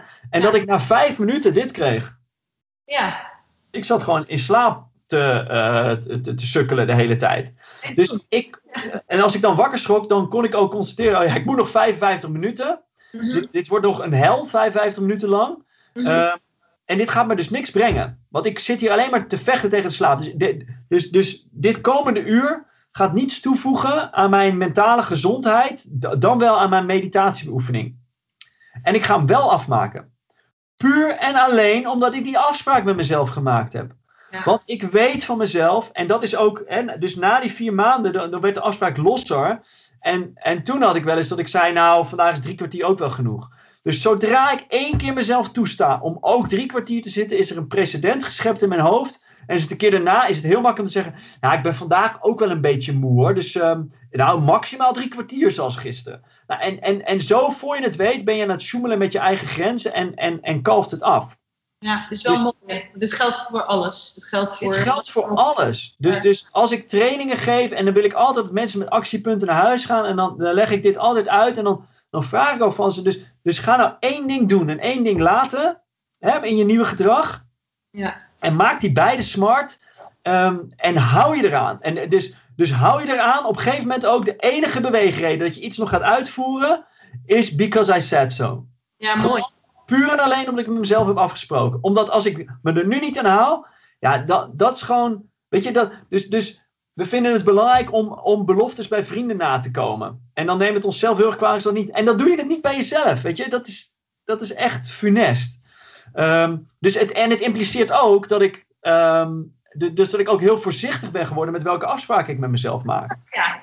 Ja, ja, dat je hem wel ook, dat je inschat dat je hem kan halen. dat ik hem kan halen. Dus ik heb bijvoorbeeld voor dit jaar heb ik mijn, eh ehm, mijn meditatiepractice, met mijn voornemens daarover en, en ook ehm, mijn sporten. Ik heb het gewoon heel bewust aangepast op het feit dat ik een jonge ouder zou worden. Ik, ik wist gewoon, ja, ik ga daar gewoon minder tijd en minder energie voor hebben. Dus, dus ik heb gezegd, ik wil minimaal één keer per week sporten. En ik wil, ehm, ik, ik heb mijn meditatiepractice best wel heel vrij eh, gegooid. Van, ja, ik wist gewoon van andere mensen die mediteerden en ouder werden, dat dat ongeveer het eerste was wat wegviel. Toen dacht ik, ja, ik wil niet mezelf nu gaan zitten kwellen elke dag. En dus, want dat, is, dat hoort ook bij dat, dat, dat mindfulness stuk. Dat ik elke dag het stemmetje bij mezelf heb. Gast, je moet nog mediteren, waarom doe je het niet? Eh. Dus ik heb mezelf daar ook een beetje vrij gespeeld. En ik probeer het nu iets meer op die momenten dat ik toch al in bed lig. Of dat ik hem aan het voeden ben, weet je wel. En dan nou, denk ik, ja, ik zit hier nu toch 10 minuten. Dus eh, nou, eens even met mijn aandacht erbij. Ehm, en dat kan wel omdat ik eerder wat harder voor mezelf ben geweest, eh, zeg maar. Dus eigenlijk is jouw tip ook van, wil je starten, begin dan wat eh, realistisch en streng. Ja, ik zeg even streng. Ja, ja, ja, ja, eigenlijk wel. eh, maak je toch een, een goede gewoonte. En dan kan je daarna wat laten vieren als het eh, eenmaal die eerste Ja. periode als je door bent. Ja, Ja. En, en wat ook, weet je, dus, dus ergens, als je zo begint met, met, met eh, ambitie, maar niet te hoge ambitie en, en, en wat strengheid erop. ehm, dus het wordt ergens makkelijker. Dus dat is ook goed om te beseffen. Dat, kijk, bijvoorbeeld iets als tandenpoetsen. ehm, dat doe ik elke avond. Elke avond weer ga ik mijn tanden poetsen. Waarom? Omdat het door mijn ouders er gewoon gedrild is. Dus zij hebben de discipline voor mij opgebracht dat ik dat heb aangeleerd. En ik ben dus nu op een punt dat als ik die ene keer in het jaar dat ik het om dat iets raar loopt en ik vergeet mijn tanden te poetsen en dan lig ik in mijn bed en dan lig ik zo, ah, fuck, wat smerig, ik heb mijn tanden niet gepoetst. En dan ga ik eruit, dan ga ik eruit en dan ga ik mijn tanden poetsen, omdat ik, dus het voelt gewoon een beetje vies. Nou, op zo'nzelfde manier ehm, heb ik ook gewoon heel lang gehad dat ik ehm, dus dusdanig eh, gedisciplineerd, eh, gedisciplineerde periodes van meditatie had gehad, dat ik nu geen keiharde afspraken meer met mezelf had, maar dat als ik niet op een stoel ging zitten, dat ik me gewoon een beetje mentaal vies voelde. Dat ik dacht, ja, ah, ik voel me helemaal niet fijn. Nou, ik, ja, ik moet weer even op die stoel zitten. Ja, en En- dat je natuurlijk ook, doordat, doordat je dat dan, eh, ik zeg dan maar even een beetje streng, streng hebt gedaan, heb je ook kunnen ervaren wat de voordelen waren. Want je hebt Precies. Dus als je hem dan even laat vieren, dus dan hoeft het niet meer. Dan kwam ik er ook achter dat het me eigenlijk heel veel bracht. En dat ik het eigenlijk hartstikke prettig vond. Ja, dat is mooi. Eh, ja, ja, en dus het is ook goed om er dan even mee te stoppen. Want dan zie je weer, wat brengt het me eigenlijk? En dan kun je ook herijken van, wil ik dit blijven doen? Of ja of nee? En, en kijk, en het is nog steeds zo dat... ehm, hè, stel dat wij zijn zo meteen klaar met deze opname. En ik bedenk me van, nou, ik heb even tijd. Ik ga even op een stoel zitten. Er is altijd wat initiële weerstand. Dat is hetzelfde als met ehm, eh, als het regent gaan sporten of zo. Weet je wel, een rondje hardlopen. Ja, meestal staan we niet te springen. Maar als je dus vaak genoeg positieve neurofeedback hebt gehad. Dus, dus ik weet gewoon van mezelf, als ik een beetje cranky ben en ik zit niet lekker in mijn vel, ehm, moet ik gewoon even gaan sporten. En dan heb ik er geen zin in, maar dan weet ik, dus mijn systeem heeft geleerd, ga maar Mark, dan Ja. voel je je daarna beter. En dan ga ik, ondanks de tegenzin. En, en dat werkt bij meditatie voor mij ook zo. Dan, ik kan heel erg in de weerstand, ik heb helemaal geen zin. En nou, dan zet ik, eh, tegenwoordig gebruik ik Insight Timer als, als app. En dan zet ik het aan en dan zit ik en dan kan ik echt zoiets hebben van... Oh ja, hier had ik eigenlijk heel veel behoefte. Oh, chill.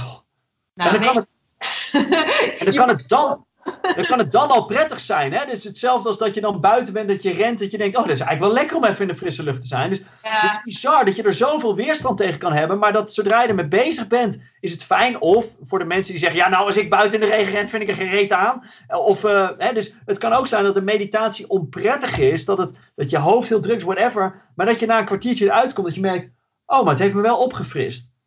Ja. Oh ja. En als je dat vaak genoeg hebt gehad, dan, dan zeg je op een gegeven moment: Oké, ik heb er geen zin in, maar ik ga even op een stoel zitten. Want eh, dan. En dus ik, Misschien is het wel het mooiste, dus als ik dan nog een, een, een quote van een wijs vrouw erin mag gooien. Wat mijn vriendin altijd zegt, is als ik aan haar vraag van... Hé, hey, eh, eh, lief, wil je niet even zussen zo? Dan zegt ze, nee, ik wil niet sporten. Ik wil gesport hebben.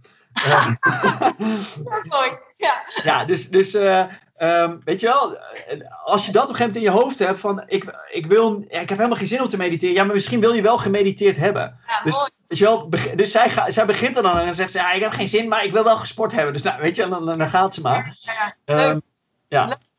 Nou, mooi. Mooi, Mark. Hey, ehm, super leerzaam en uh, super interessant allemaal. Volgens mij kunnen we nog heel lang doorgaan.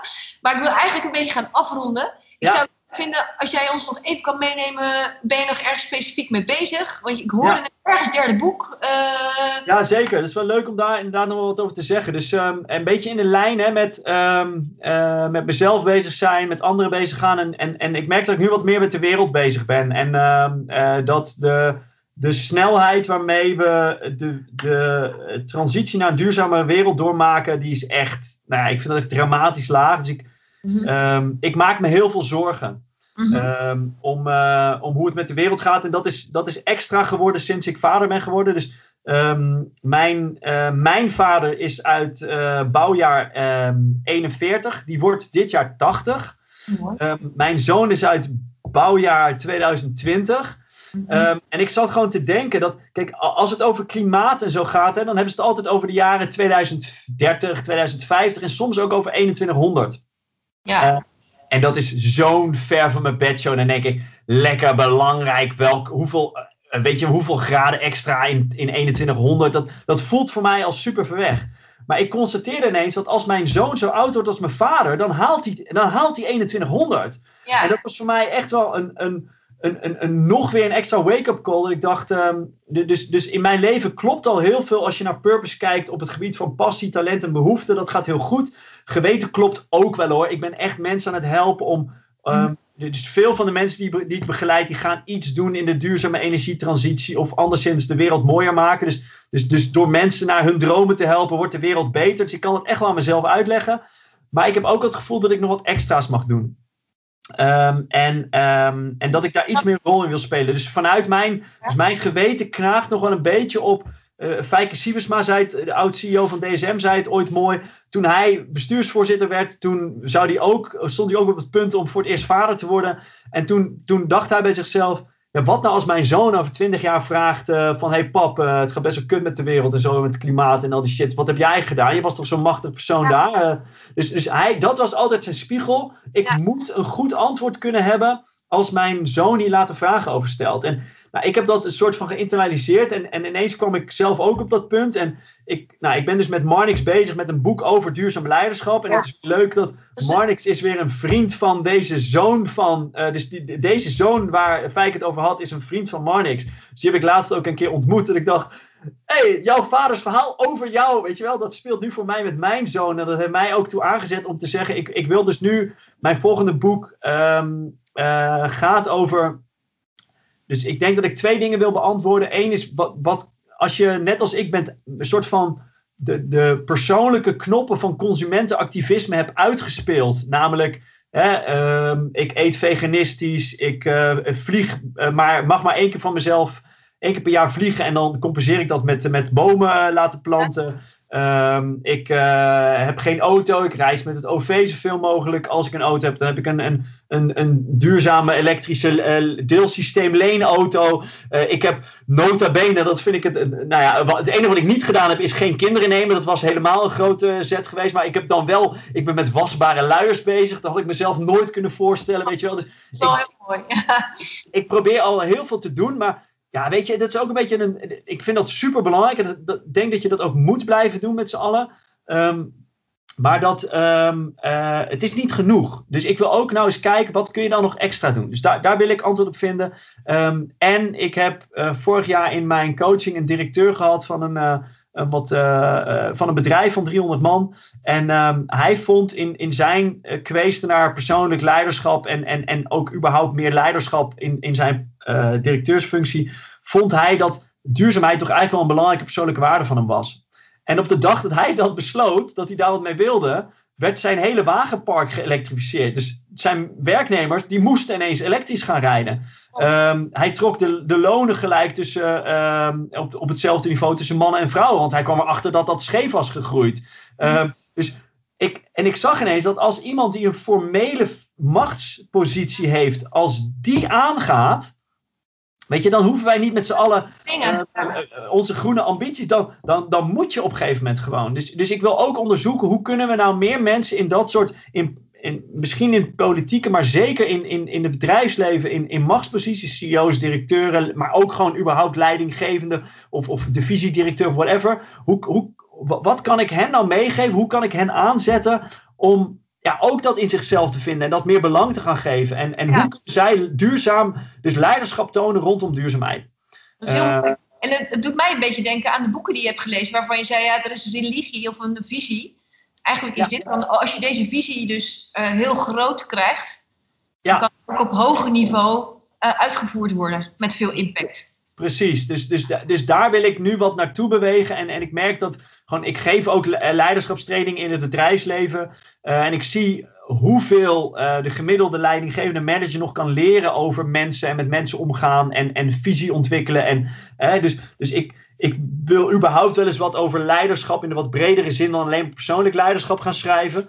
Ehm, en, en ja, prachtige kans om, om, om, om dat samen met duurzaamheid te gaan doen. Want, want ja, die twee, het, is ook een beetje hetzelfde. Leiderschap gaat over de lange termijn en duurzaamheid ook. En, en, en het is gewoon zo nodig. Het is altijd nodig, maar de wereld staat echt wel een beetje in de fik. En, en ik heb dus de mazzel dat ik, eh, dat ik Marnix ken, omdat hij mijn boek ooit las. Dus het is ook wel heel leuk dat, dat het zo bij elkaar komt. En hij heeft eh, de- die podcast, eh Ecosofie. En dus, dus hij krijgt al deze, deze giganten in de duurzame wereld al aan tafel. En ik, en ik interview dan weer andere mensen. En, en nou, zo gaan we dat bij elkaar brengen en daar iets zinvols over schrijven. Hele mooie combinatie. Ik heb nu jullie dit jaar allebei mogen ontmoeten, vrij kort Ja. na elkaar. Super gaaf. En eh, Ja. ja, ik wens jullie daar heel veel succes mee. Dankjewel. Ik ben even benieuwd, ten slotte, Mark, waar kunnen mensen jou vinden als ze naar jouw Ja. bedrijf toe willen, naar jouw eh, ja, Ja. jullie je ideeën Ja. hebben voor je boek of wat dan ook? Eh, Ja, helemaal goed. Eh, Ze kunnen het beste even op uh, www.thestartupofdreams.nl. Dus eh de Startup of Dreams gewoon in het Engels zoals, eh, zoals ik het eh, uitspreek. En dan ehm, eh, .nl. En daar vinden ze mij en waar ik mee bezig ben. Dus daar kunnen ze meer vinden over eh, de coachtrajecten die ik met mensen doe. ehm, de lezingen die ik in het bedrijfsleven geef. Ehm, mijn boeken staan erop. Dus eigenlijk hè, die drie pijlers waar ik mee bezig ben, dat, eh, dat vinden ze allemaal terug. Dus vinden ze ook mijn online courses. Dus ik heb twee online courses. Eén over keuzes maken. Dus daar ga ik wat dieper in op die thematiek die in Is Dit Het Nou ook speelt. eh, rondom keuzestress. Maar dan ja, gewoon wat, wat, wat uitgebreider, wat steviger. En nog eentje over eh, het bekostigen van je ideale levensstijl. Dus dat wat ik over financiële vrijheid eerder zei voor mezelf. Daar heb ik ook een, heel, een hele course aan gewijd. Waar mensen met heel veel enthousiasme uitkomen. ehm, om eens wat te leren over geld. Omdat het nou ook gewoon een onderdeel is van de maatschappij. Dus ik geloof heel erg in het volgen van je dromen. En hè, dan moet je langs de ravijnen durven gaan. En bloemen durven plukken, et cetera. En het is ook wel slim om jezelf financieel eh, te onderwijzen. eh, omdat je dat ook nodig hebt. Dus eh, daar komen ook vast op termijn nog wel meer online courses. Dus ehm, op www.startupofdreams.nl vind je eigenlijk alles waar ik mee bezig ben. nou, prachtig. We blijven je volgen. Super Leuk. voor jouw tijd. En als je behoefte hebt aan mediteren, ga je dat zo lekker doen. Wie weet. Ik ga even kijken of ik eh, mijn ogen open kan houden. Ja, leuk. Dankjewel, eh Mark, voor het mooie gesprek. ja jij bedankt eh, voor de uitnodiging. Het was superleuk om hier te zijn. En misschien ook leuk voor de luisteraars om, ehm, eh, als ze die quote nou inspirerend vonden, om nog even naar Veldhuis en Camper te luisteren ook. Het is echt, als het gaat over het volgen van je dromen. ehm Ravijn, prachtig nummer. Dus eh, als je nog, nog een, een, een laatste drie minuten inspiratieboost wil hebben, zet die nog even aan. Heerlijk. Dankjewel. Alsjeblieft. Hadi Mark, hartelijk bedankt voor jouw mooie gesprek. En ook al was het via Skype, dat deed er niets aan af. En beste luisteraar, tof dat je weer naar deze podcast hebt geluisterd. En Mark heeft ook nog een leuke winactie voor jullie. Hij verloot één van zijn boeken. Is dit het nou? En één van de boeken helemaal naar de meditering. Wil je meedoen aan de winactie? Dan kan je naar mijn website gaan, boukjejongendijk.nl slash mark. En Mark gespeld met een K. En dan kan je daar opgeven om mee te doen en mee te dingen naar deze twee boeken. Uiteraard kan je ook zelf het boek kopen. Dat kan via de bekende website bol.com. Of je kan de website van Mark bezoeken. Dat is thestartupofdreams.nl. En op die website kan je nog een heleboel andere leuke dingen van Mark vinden. Zijn cursussen, waar hij mee bezig is en leuke blogs. Dus dat is eh, ook zeker de moeite waard om een kijkje te nemen. Nou, mocht je de podcast waarderen, dan zou ik het fijn vinden als je dat ook laat blijken door je te abonneren op jouw favoriete podcastkanaal of door een reactie of een duimpje ergens achter te laten. En ik hoor jullie heel graag weer over twee weken. Hele fijne dag en tot ziens.